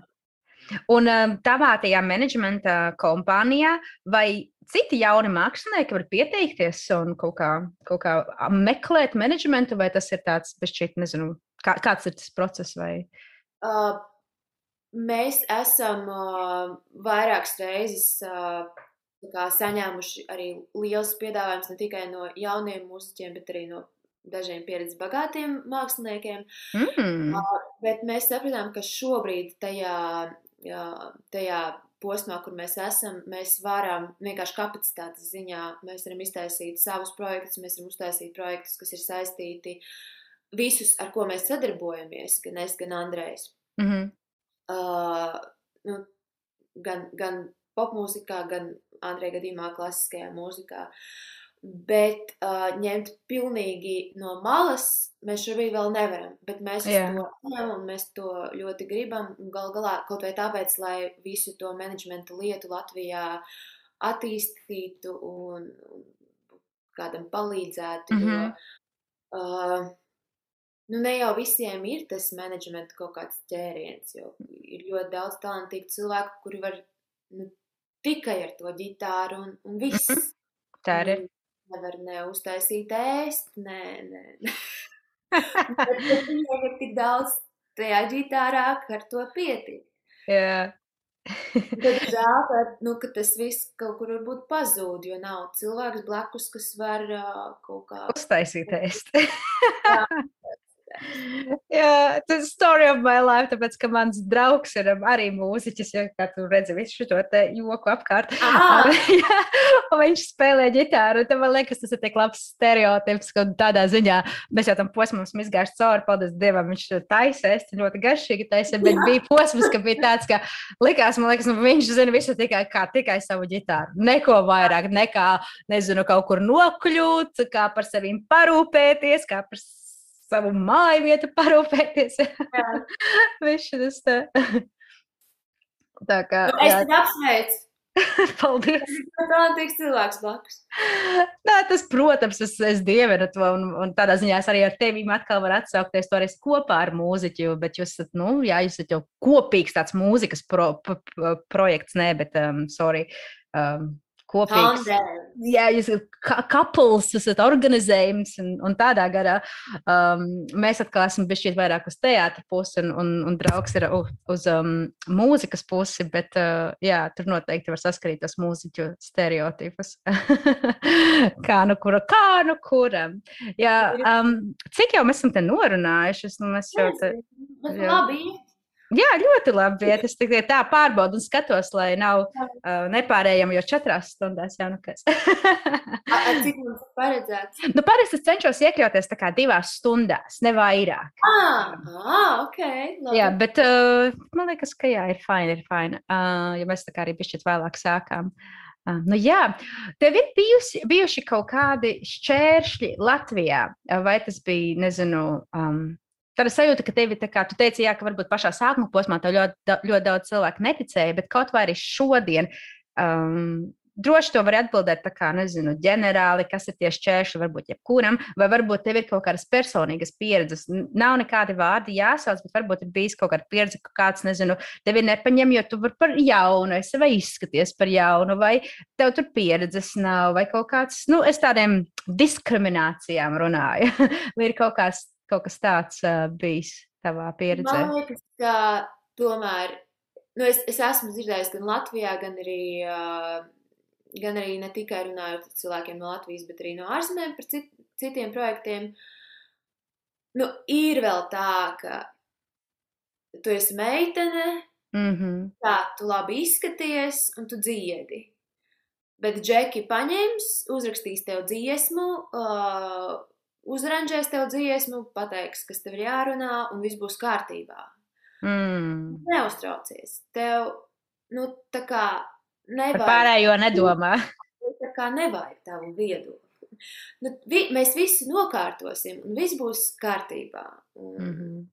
un es it kā, es biju momentā, kad es varēju šo ceļu iet, bet es nolēmu viņu neiet, un varbūt, varbūt tagad ir grūtāk, bet uh, toties nu, es turpinu domāt ar savām smadzenēm. Man liekas, ka tas ir interesantāk. Noteikti, noteikti, pilnībā piekrītu. Tas, jā, savā ziņā tā kā smags temats, bet nu, ne tik ļoti vairāk, jo man liekas, visi par to runā. Um, bet jā, e, es pat nezinu, tas ir jāgaida kaut kāda, nezinu, generācija nomaiņa, jo man liekas, mums sabiedrībā vēl joprojām ir tā vecā stigma, un sevišķi varbūt sastrādāties ar kādiem vecākiem onkām, ja? tad, tad noteikti ir tā, ka tas sevišķi ir jauna un skaista meitene. Tad, tad ir tāds. Viss tā kā liekas, ka cilvēkam liekas, ka tev tikai pietiek ar to, jo tu taču savā dzīvē panāsi daudz ar savu seju. Un tā ir daļai taisnība. Jā. Tā ir. Protams, mums meitenēm ar uh, apdāvinātu izskatu. Ja? Ļoti daudz, kur durvis pavērās, bet ir skumji, ka nu, tā ir sava veida arī diskriminācija ļoti bieži, jo tevi tikai uztver kā skaistu seju, un vēl tavā gadījumā kā skaistu seju un labu balsi, vai ne, un, un māksliniecisku cilvēku. Bet es arī saprotu no viņu viedokļa, ja viņiem ir kaut kāds, nezinu, ceļš, nu, tas ir kā, ir kaut kāds ceļš, ir kaut kāda recepte, kas strādā. Mm. Ko, ko vajag, kādu produktu piedāvāt, lai nopelnītu naudu un viss būtu kārtībā. Tur viņus nevar uh, vainot tajā. Yeah. Un, un jo mazāk es runāju viņiem pretī, jo vieglāk viņiem ir izdarīt uh, vienkārši to darba procesu. Savu darbu. Panāktu rezultāts, kā viņi grib. Un ja es viņiem mm -hmm. sāku runāt pretī, nē, es gribu tā, es gribu šitā, jo man redziet, ir personība. Nu, tas ir sarežģīti, kaut kāda mm -hmm. liekas problēmas. Nu, priekš kam to vajag? Mm, jā. Tas um, tev, tev arī bija kaut kādi nezinu, specif specifiski notikumi Latvijas biznesā. Jā, man, man ir bijuši. Jā. Ok, skaidrs. Jā.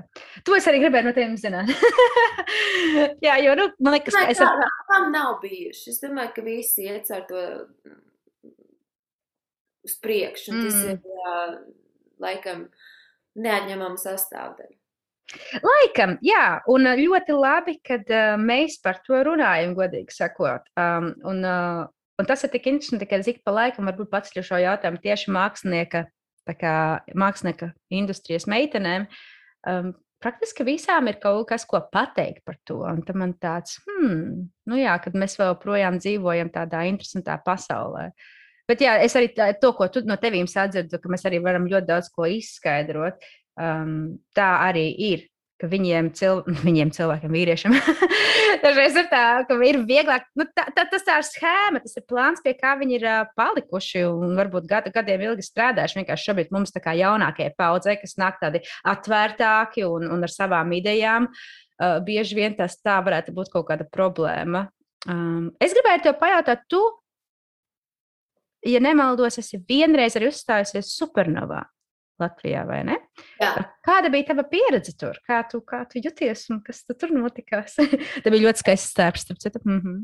Paldies, paldies. Uh, toreiz es vispār neko nezināju.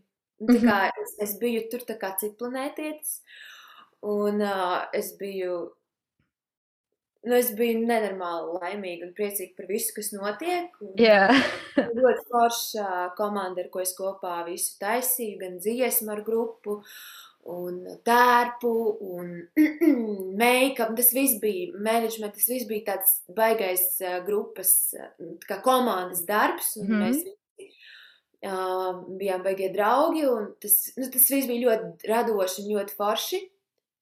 Man nebija nekādas nojausmas par to, kas ir Eirovīzijas, nezinu, vai vispār popmūzikas uh, formāts, vai jebkas, ko viņi tur sagaida. Es vienkārši biju uzrakstījis dziesmu, tā kā man patika, es viņu biju ierakstījis tā, kā man patika, un iesniegus un viss. mm -hmm.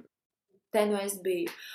Uh, man ļoti, ļoti patika pati uzstāšanās, kā tas viss uh, bija norganizēts no Latvijas televīzijas puses. Un, protams, ka man bija žēl, ka es netiku tālāk, es gribēju, tā kā es atceros, cik ļoti es tajā pašā vakarā, kad tas viss bija beidzies, cik ļoti es gribēju nākamajā dienā atkal visu Mm to -hmm. Mm -hmm. Bet, protams, tas uh, konkurss pavēra man citas kaut kādas uh, ļoti, ļoti foršas uh, tālāk iespējas, jo varbūt tiem, kam, uh, kam es vairāk izklausījos pēc formāta, dzirdēja mani, jo tā ir nenormāla, nenormāla liela publicitāte. Un pēc tam Mhm. zvanīja uh, Elita Milgrāve no Laimas Vaikulas festivāla organizatoriem un teica, ka Laima redzēja un ka viņi aicina mani uz savu festivālu. Un savukārt tas viņas festivāls atkal bija tāds wow notikums, kur gribējās katru dienu pēc tam atkārtot. Nu, Super. tā. Super. Kā, uh, tas, nu, jeb, jebkas tāds liels, tas vienmēr ved uz kaut ko nākamo.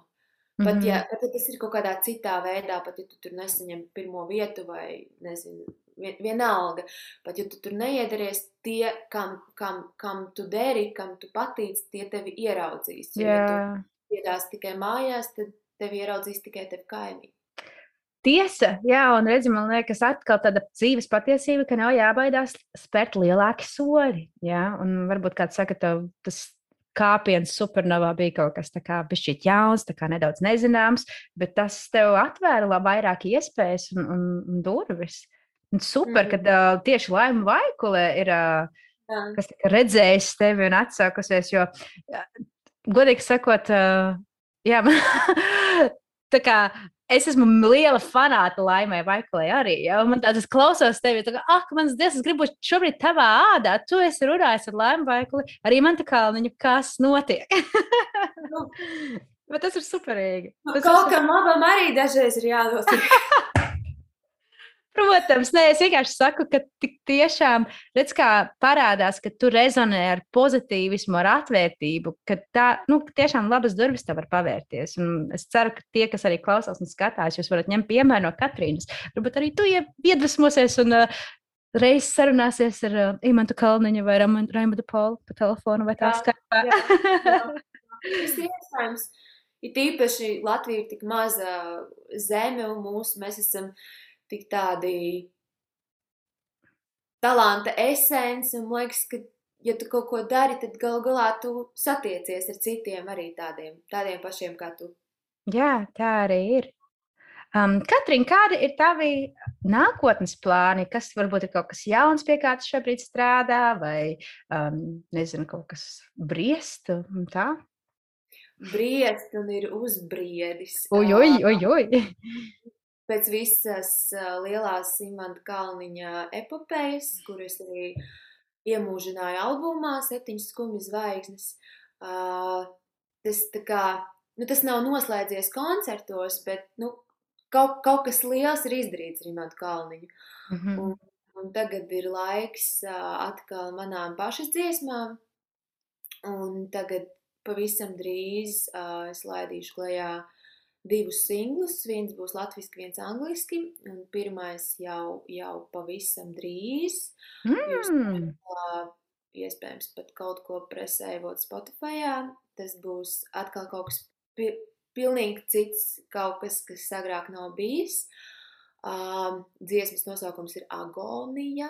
Mm Un, -hmm. uh, nu, es šausmīgi gaidu. Mums ir arī ļoti tāds uh, māksliniecisks un uh, nu, emocionāls, super emocionāls uh, video klips tapis.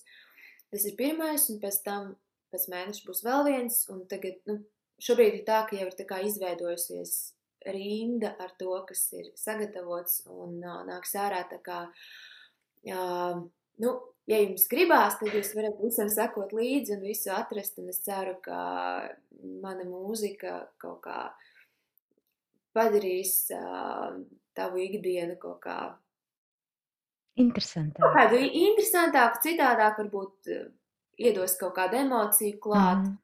Um, varbūt kaut kādā emocijā palīdzēs, kaut, varbūt palīdzēs kaut kāda emocija dabūt ārā no tevis. Nu, kaut, Mhm. kaut kā norezinēs. Agonija, tā, tā dziesma ir latviešu valodā? Jā. Uh. Jā. Tāds mis, mis, mistisks nosaukums, nedaudz. Mm.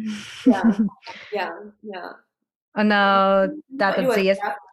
ļoti traki dziesma. Oh, yes! Tā tāda, tāda tumša dziesma. Ļoti. Ok, intriga, intriga.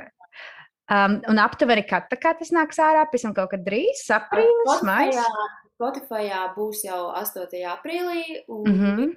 video neilgi pēc tam. Wow!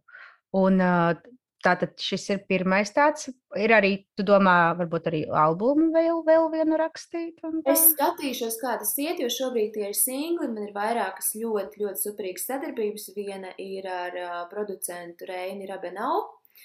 Viņš ir Mhm. vairāk no elektroniskās mūzikas pasaules. Mums ir viņu iznācis pagaidām kā singls uh, bez video, bet būs arī video dziesmā I can, I can, I can. Ok! Tieši tas, kas mums šobrīd ir vajadzīgs. Jā. Uh, ļoti, ļoti forša dziesma. Uh, arī ar Ojāru Eriku Kalniņu vārdiem. Viņu var atrast Spotify vairāk tā kā deju Mhm. mūziku. Super. Un mēs turpinam, turpinam rakstīt. Un pamazām arī būs citas dziesmas. Kopā ar Enšu ir pirmā. Un tad otra sadarbība ir ar um, agonijas, var pateikt, tā kā tādu mazu spriekšu noslēpumu. Agonijā galvenajā lomā būs nevis es, bet būs viens puisis, ļoti talantīgs. Mm. Sauc Germans Superfins. Un, um, viņš ir, viņš spēlē trombonu un trompeti un arī dzied. Un Mm. nu, šajā mm, agonijā viņš būs tikai kā galvenais varonis, bet mēs ar viņu kopā arī um, esam ierakstījuši vienu dziesmu, ļoti tādu, uh, nu šoreiz ļoti eksperimentālu, kura būs gan franciski, gan vāciski. Oh, wow! Jo? Nu, jo, jo tā prasījās. Un, uh, Ok. tur, būs, tur būs tāds viens baigais wow pārsteigums pa vidu. Un arī plānojas galīgi greizi video klips, kurus nevaru skari izrunāt. Ok. Mm, Nu, tā, kaut kā ļoti, ļoti daudz dažādas uh, foršas sadarbības pandēmijas laikā izveidojušās. Oh, man patīk šis mūsu tā kā lietas tik tiešām būt tādiem ļoti exciting un uh, excited un, un, un, un intrigued. Pati esmu super excited. Jā. Jā, nu ā, super. vēl, viena, vēl viena lieta, kas šobrīd notiek tāda pilnīgi jauna pieredze, pateicoties pandēmijai. Nezinu, vai laba vai slikta, bet šobrīd mēs veidojam vienu dziesmu kopā ar, tu zini, The Blue Man Group. The Blue Man. group jā, No. iegublē. Uh, Hmm. nu, jā, sakot, uh, fan, fantastiski mākslinieki, un viens no viņiem, viņi bundznieki visi ir. Viņiem tāds Mhm. liels šaus, kas ir tīpaši No Amerikā. kurienes viņi tā kā nāk? Amerika. Uh, Ok. tas, viņi ir, uh, es nezinu, kā to pareizi izrunāt, latviski ir tas uh, saules cirks, Circus du Soleil, Oh, ok. Jā, jā. un tas The Blue Man Group ir tā kā viņu paspārnē, viņu Ok, projekts. daļa no kā viņu māksliniekiem. Jā, Mhm. jā. Un, uh, un tur ir viens fantastisks bundznieks un producents, Dēvids un Aņa. Un mēs ar viņu, viņš šobrīd ir Berlīnē, un es esmu Rīgā, un mēs caur zūmu taisam dziesmu. Tas būs. uh, Es domāju, ka ļoti, ļoti, ļoti tāda Bet tas būs savukārt ļoti emocionāls gabals. Nu, jā, to, to gabalu šobrīd ir ļoti daudz, un es uh, kaut kā cenšos saprast, kādā secībā viņi nāks ārā. Mm -hmm. Ir vēl viens ir kā, kino uh, mūzika, vairāk. Nu, redzēsim, mm -hmm. bet uh, tagad būs tāds non-stop. Super! Super, tikai uz priekšu, vairāk, vairāk. Jā, nu, tam mēs gaidām agoniju. Jā, 8. septembrī. Mēs gaidām agoniju, izklausās diezgan briesmīgi, bet mēs gaidām bet tas ir tāds, nu, jā, es, es, es ceru, ka mēs būsim tādi, ne, tas ir kā tā, nu, kāds ir vaibiņš, vairāk tā kā negatīvs vai pozitīvs tajā visā? Nu, Dažāds. Es to dziesmu rakstīju kā agonija kā mīlestības agonija, kā mīlestības mm. pēdējais elpas vilciens. Kārs. Savukārt, uh, video mākslinieks uh, vairāk uh, ir traktējis to kā uh, varbūt šķiršanos no dzīves. Un, ok, tad dramatiskāk. Uh, mēs esam diezgan, diezgan dziļi arī iegājuši uh, šobrīd tādā trakā tēmā, par pašnāvībām, par to, kā cilvēki tagad mājās sēž un, būtībā ir diezgan lielā sprostā. Mm, jā. Wow. No tā visa iet ārā un, un kādas ir opcijas un vai uh, tāda dramatiskā opcija ir vienīgā opcija. Mm, interesanti. Wow. Pilnīgi tādu, nezinu, iedod man mākoni tādu tā kā ap manīm. Liekas tāds, kas nu, kas nu tagad būs, kas tu būs.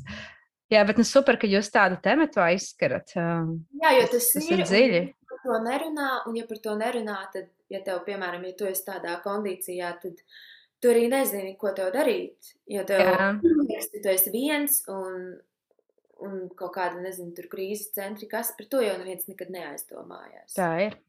Tā, tādos mirkļos. Oh, un sevišķi, jā, šai, šis gads un, un, un vispār šis posms ir tik daudz jautājumiem cilvēkiem, ka tu nemaz nezini, uz kurien tā pasaule šobrīd iet? Es visu laiku tā kā tur tādā valdziņā, tāds, ah, būs kaut kāda, viss nāks atpakaļ, bet nē, gatavoties trešajām vilnīm, un tur tas un šitas un tāds. Ah, Ko saki? Jaunā mutācija nāk. Oh, jā, jā. vēl tas nāk, jā, tieši tā.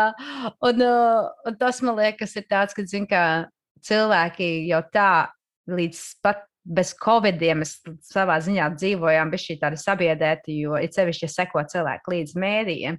Mm. Un, un, un, un tad ar visu šo te, tad, tad jā, tas ir sāpīgs temats, diemžēl. Bet nu, es ceru, jā, ka viss atdzīvosies un cilvēki sāks sasīt kaut ko pozitīvu. Un varbūt savā ziņā, ja šis ir sāpīgs periods un ir varbūt domas tādas salīdzinoši dramatiskas vai ne par savu dzīvi, uh, um, man liekas, ir uh, jāsaprot, ka ne par velti tev ir dota šī dzīve, vai ne? Un, un, un katram ir sava iekšējā misija, iemesls dzīvot, un, un, un, un katrs var to atrast. Vienkārši varbūt pat šis posms ir jāņem tāds kā, nezinu. Jāatcerās atpakaļ un jāpadomā, un tad varbūt, ja ir iespēja, tad jāpārvērtē tās savas vērtības. Mm. Jā. Jā, nu skaidrs, ka pēc tam uh, Sākumā jau, kad sākās, visi domāja, nu kā tur mēnesis, divi, un viss būs kā bija. Bet skaidrs, ka tas ir uz ilgu, un skaidrs, ka reāli nekas vairs nebūs tā, kā tas bija iepriekš. Vai, vai nu tu kaut kā piemērosies un mainīsies līdzi, līdzi visam? Mm -hmm. nu, mhm. tā tas ir, kā tas ir. Tur jau neko nevar izdarīt. Bet redz, cik forši tu esi atradusi iespēju, ka pa šo laiku būt radošai, strādāt pie savas mākslas. Jo man liekas, ļoti tieši mūzikas pasaules cilvēki ļoti izjūta šo laiku. Ja, jo nu, tas āršķais un, un kas saka, live audience tika apstādināts. Tev tikko bija Zoom ieraksts ar cilvēku no Berlīnes. Super!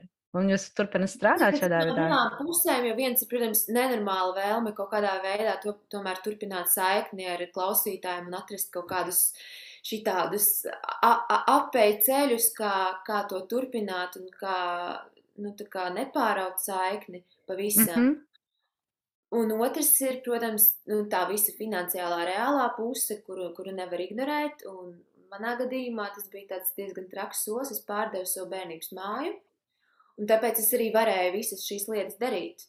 Aha. Vienkārši tāpēc, mm -hmm. jo tā jau, nu kā koncerta nav, naudas nav, nekas nav. Protams. Bet, nu, tagad redzēsim, jo tagad māja ir iztērēta.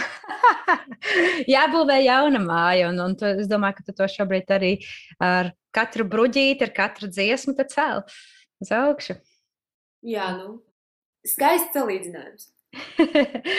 Katrīna, ko tu sev pati nosauktu, kas ir tava misija? Es zinu, ka tava misija ir mūzika, bet uh, kā tu varbūt pati saviem vārdiem to izskaidrotu? Vai varbūt tas ir arī ārpus mūzikas robežām? Pat?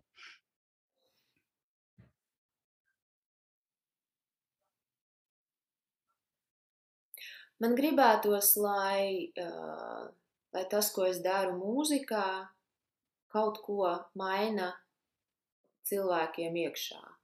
Mm -hmm. Lai pēc kaut kādas manas dziesmas vai pēc mana koncerta, lai kaut kas viņos ir bišķi citādāk un varbūt bišķi, es nesaku, ka labāk, bet varbūt kaut kā brīvāk, varbūt viņi kaut kādā veidā caur to var nokļūt tuvāk paši sev. Mm. Nu, kaut kā tā. Un, protams, ka man, man tas ir man tas ir divējādi, jo no vienas puses man šausmīgi patīk uh, dzīvie koncerti. Es arī daudz runāju, man nenormāli patīk. Man patīk pašai tā sajūta, es jūtu, ka klausītājiem patīk tā sajūta, tas viss kaut kā tik labi strādā kopā. Un, mm -hmm.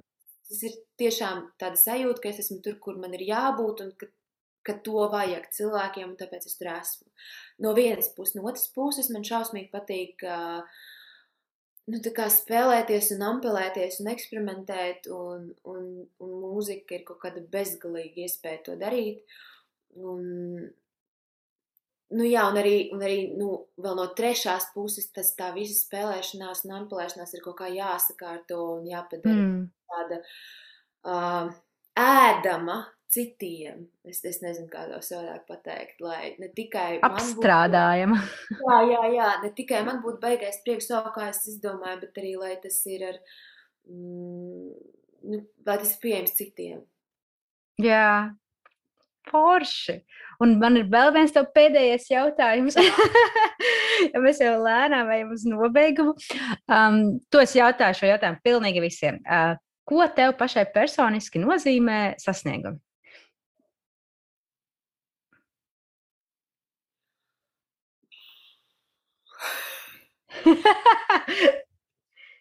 nu, šobrīd, laikam, man sasniegumi nozīmē to, ka es izdaru kaut ko tādu, ko es nemūžam nebūtu domājis, ka es varu izdarīt. Katreiz mm. tas ir kaut kas, kaut kas jauns, un tā ir kaut kādā veidā kāpšana pāri sev, kāpšana pāri neiespējamajam, kāpšana, nezinu. Tā ir, katreiz tā ir neiespējamā misija. Mm -hmm ir vai, vai nu neiespējamā misija psiholoģiski, ka es domāju, ka nu, nē, ka, kad ir bail un ka to nevar, un ka tas mm -hmm. ir mhm. nereāli.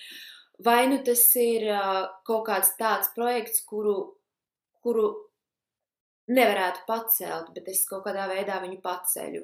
Vai nu es, nu, ka tas ir kaut kas, piemēram, nenormāli ātri, nenormāli liels kaut kas jāizdara. Nu, nu tā kaut kā. Mm, interesanti klausies. Klausos tevī, tu, tu ļoti tā, jā, tādas dziļas lietas aizskar, man tas ļoti, ļoti patīk. Um, kompliments tev, ka man ļoti patīk tas, ka tu esi tāda ļoti atšķirīga mākslinieca. Nu, tādā ziņā, ka uh, it kā popmūzika, it kā klasika, kā to tev jau var sajust, bet es, man baigi patīk tas tāds bišķīt, nezinu, tā drāma iekšā tevī, tā kā tas, bet tad tā kā nedaudz tāds mākonis, tad drūma drāma. Tas, man liekas, ir tas, kas varbūt uz ko tu arī ļoti labi izēji un arī varbūt kā tā tikko izskaidroja savu misiju, ka tu gribi, lai cilvēki pišķi tā kā atverās vairāk vai varbūt ar tevi sadzird kaut ko, ko viņi varbūt baidījās pirms tam sev atzīt vai citiem apkārt. Un tā ir tāda vērtība, tā ir tāda vērtība, ko dod cilvēkam. Tas ir superīgi. Uh, Tagad tikai uz priekšu un vairāk. es, es ceru, ka mēs visi tikai uz priekšu un vēl vairāk, un ka man ļoti liels prieks par šo raidījumu, par šo ideju, jo, jo vairāk cilvēki darīs to, ko viņi patiešām mīl, jo vispār viss, viss būs labāk. Man liekas, tik skumji, ka tomēr daudzi strādā darbu, kas viņiem ir tikai darbs, kas, nu, tas ir dažādu iemeslu dēļ, tur, tur nevienu nevar vainot, bet ja jums ir kaut kādā veidā iespēja tiešām sadzirdēt uh, kaut kur iekšā instinktīvi, kas tiešām ir tas, ko tu gribi darīt, un, un kaut kā pielaust visus apkārtējos vecākus, nezinu, skolotājus, visus, ka tomēr tas ir tas, ko tu gribi darīt, un, es, un tu to darīsi, un iet. Un tas ir tik daudz, pie tam ne tikai, ne tikai tam darītājiem, bet arī visiem apkārtējiem, jo tas jau atkal tālāk tā kā tāds tīkls uh, izplašās. Mm -hmm, mm -hmm. Tas tev patīk, tu iepriecini citus, tu esi laimīgs gan, gan ģimenes dzīvē, gan ar draugiem, gan saskar visur. Vi, viss ir nu, daudz, daudz labāk. Ja tu dari, kas tev riebjās, tu gaidi piekdienu, un tā dzīve ir kaut kāda mūžīga piekdienas gaidīšana, un, un kam tas ir vajadzīgs. Jā, dzīve nav tikai sestdiena, svētdiena. Dzīve Jā. ir visas septiņas dienas. Septiņas skumjas zvaigznes. Mm -hmm. Jā, nu labi. Paldies, Katrīna, par šo superīgo sarunu. Es tiešām ļoti, ļoti gaidīju, jo man bija liela interese tevi iepazīt nedaudz vairāk kā cilvēku. Jo ir forši redzēt tavu mākslu, ar ko tu nodarbojies, bet tiešām tu radi arī tādu nedaudz zinkārību, kas tā kā slēpjas pešķītais tās. Tā, tā vāciņa. Ja? un, jā, tas ir superīgi. Tāpēc liels, liels tev paldies, un lai tev viss izdodas. Paldies tev, paldies par foršo sarunu. Es izbaudīju, pa, pagāja nenormāli ātri. Jā, ļoti ātri pagāja. Es tagad esmu jūsu fans. Jē! Labi, Katrīna, laidīšu tevi dzīvē, un, un tad tiekamies uh, varbūt kaut kad Latvijā vai citur. Jā, jā noteikti gaidīšu. Jā, labi, čau, čau! Čau. oh, yes! Tas bija tieši tas, kas mums vajadzīgs. Paldies, Katrīna, superīga saruna. Un laikam tie podkāsti baiga labā lietā. Um, paceļ mani, paceļ tevi, paceļ visus mūs kopā. Um, tik tiešām. Un uh, droši uzraksti man, uh, vai komentē šeit, vai YouTube, vai Instagram, ko tu varbūt jaunu ieguvi vai iemācījies no šīs sarunas. Pateikšu to godīgi. Es laikam iemācījos no Katrīnas to, ka ir jāspēr lielāki soļi dzīvē, un nav, no tā nav jābaidās. Ja? Nebaidies nokos lielāku kumos no tā ābola nekā tu vari. um, jo ko es viņā sadzirdēju, tā, to, ka ļoti daudz ko viņa ir vienkārši tā ņēmusi un pati uzsākusi darīt. Ja viņai ir tāds iekšā, gribu uzstāties, es uzstāšos, gribu savu projektu, es uztaisīšu. Un, protams, ka tur ir arī sava veida, nu, kā saka, summa tev par to jāmaksā. Tas nu, nekas tev dzīvē neies tik easy peasy. Bet tas, ka tu to vari darīt, un, un viņa ir ļoti labs piemērs, zaļā gaisma, jebkam šajā dzīvē, un, un tas ir baigi krūta. Tā kā, jā, liels tev paldies, Katrīna, par to, ka tu dalījies ar sevi, par savu dzīvi, par to, kā tu iegūsi savus panākumus. Un, jā, manu mīļo klausītāju, es ceru, ka tu arī esi iedvesmojies un iesi un darīsi lielākus darbiņus, jo tici man, tu to esi pelnījis. Um, bet, jā, ja tev patīk šī epizode vai jebkura cita, hello, droši subscribingo kā tas ir latviešu valodā, um, abonē vai ne? Abonē mūsu uh, Apple podkāstu, Spotify, uh, Google podkāstu, vienalga, kur tu mūs šobrīd klausies. Abonē mūs nost, un ja tu redzi, tur arī kādas zvaigznītes, piet, piecas zvaigznes. I know! Mums patīk piecas zvaigznes, un that's it! Bet jā, lai tev superīga nedēļa, un tiekamies jau nākamnedēļ! Deep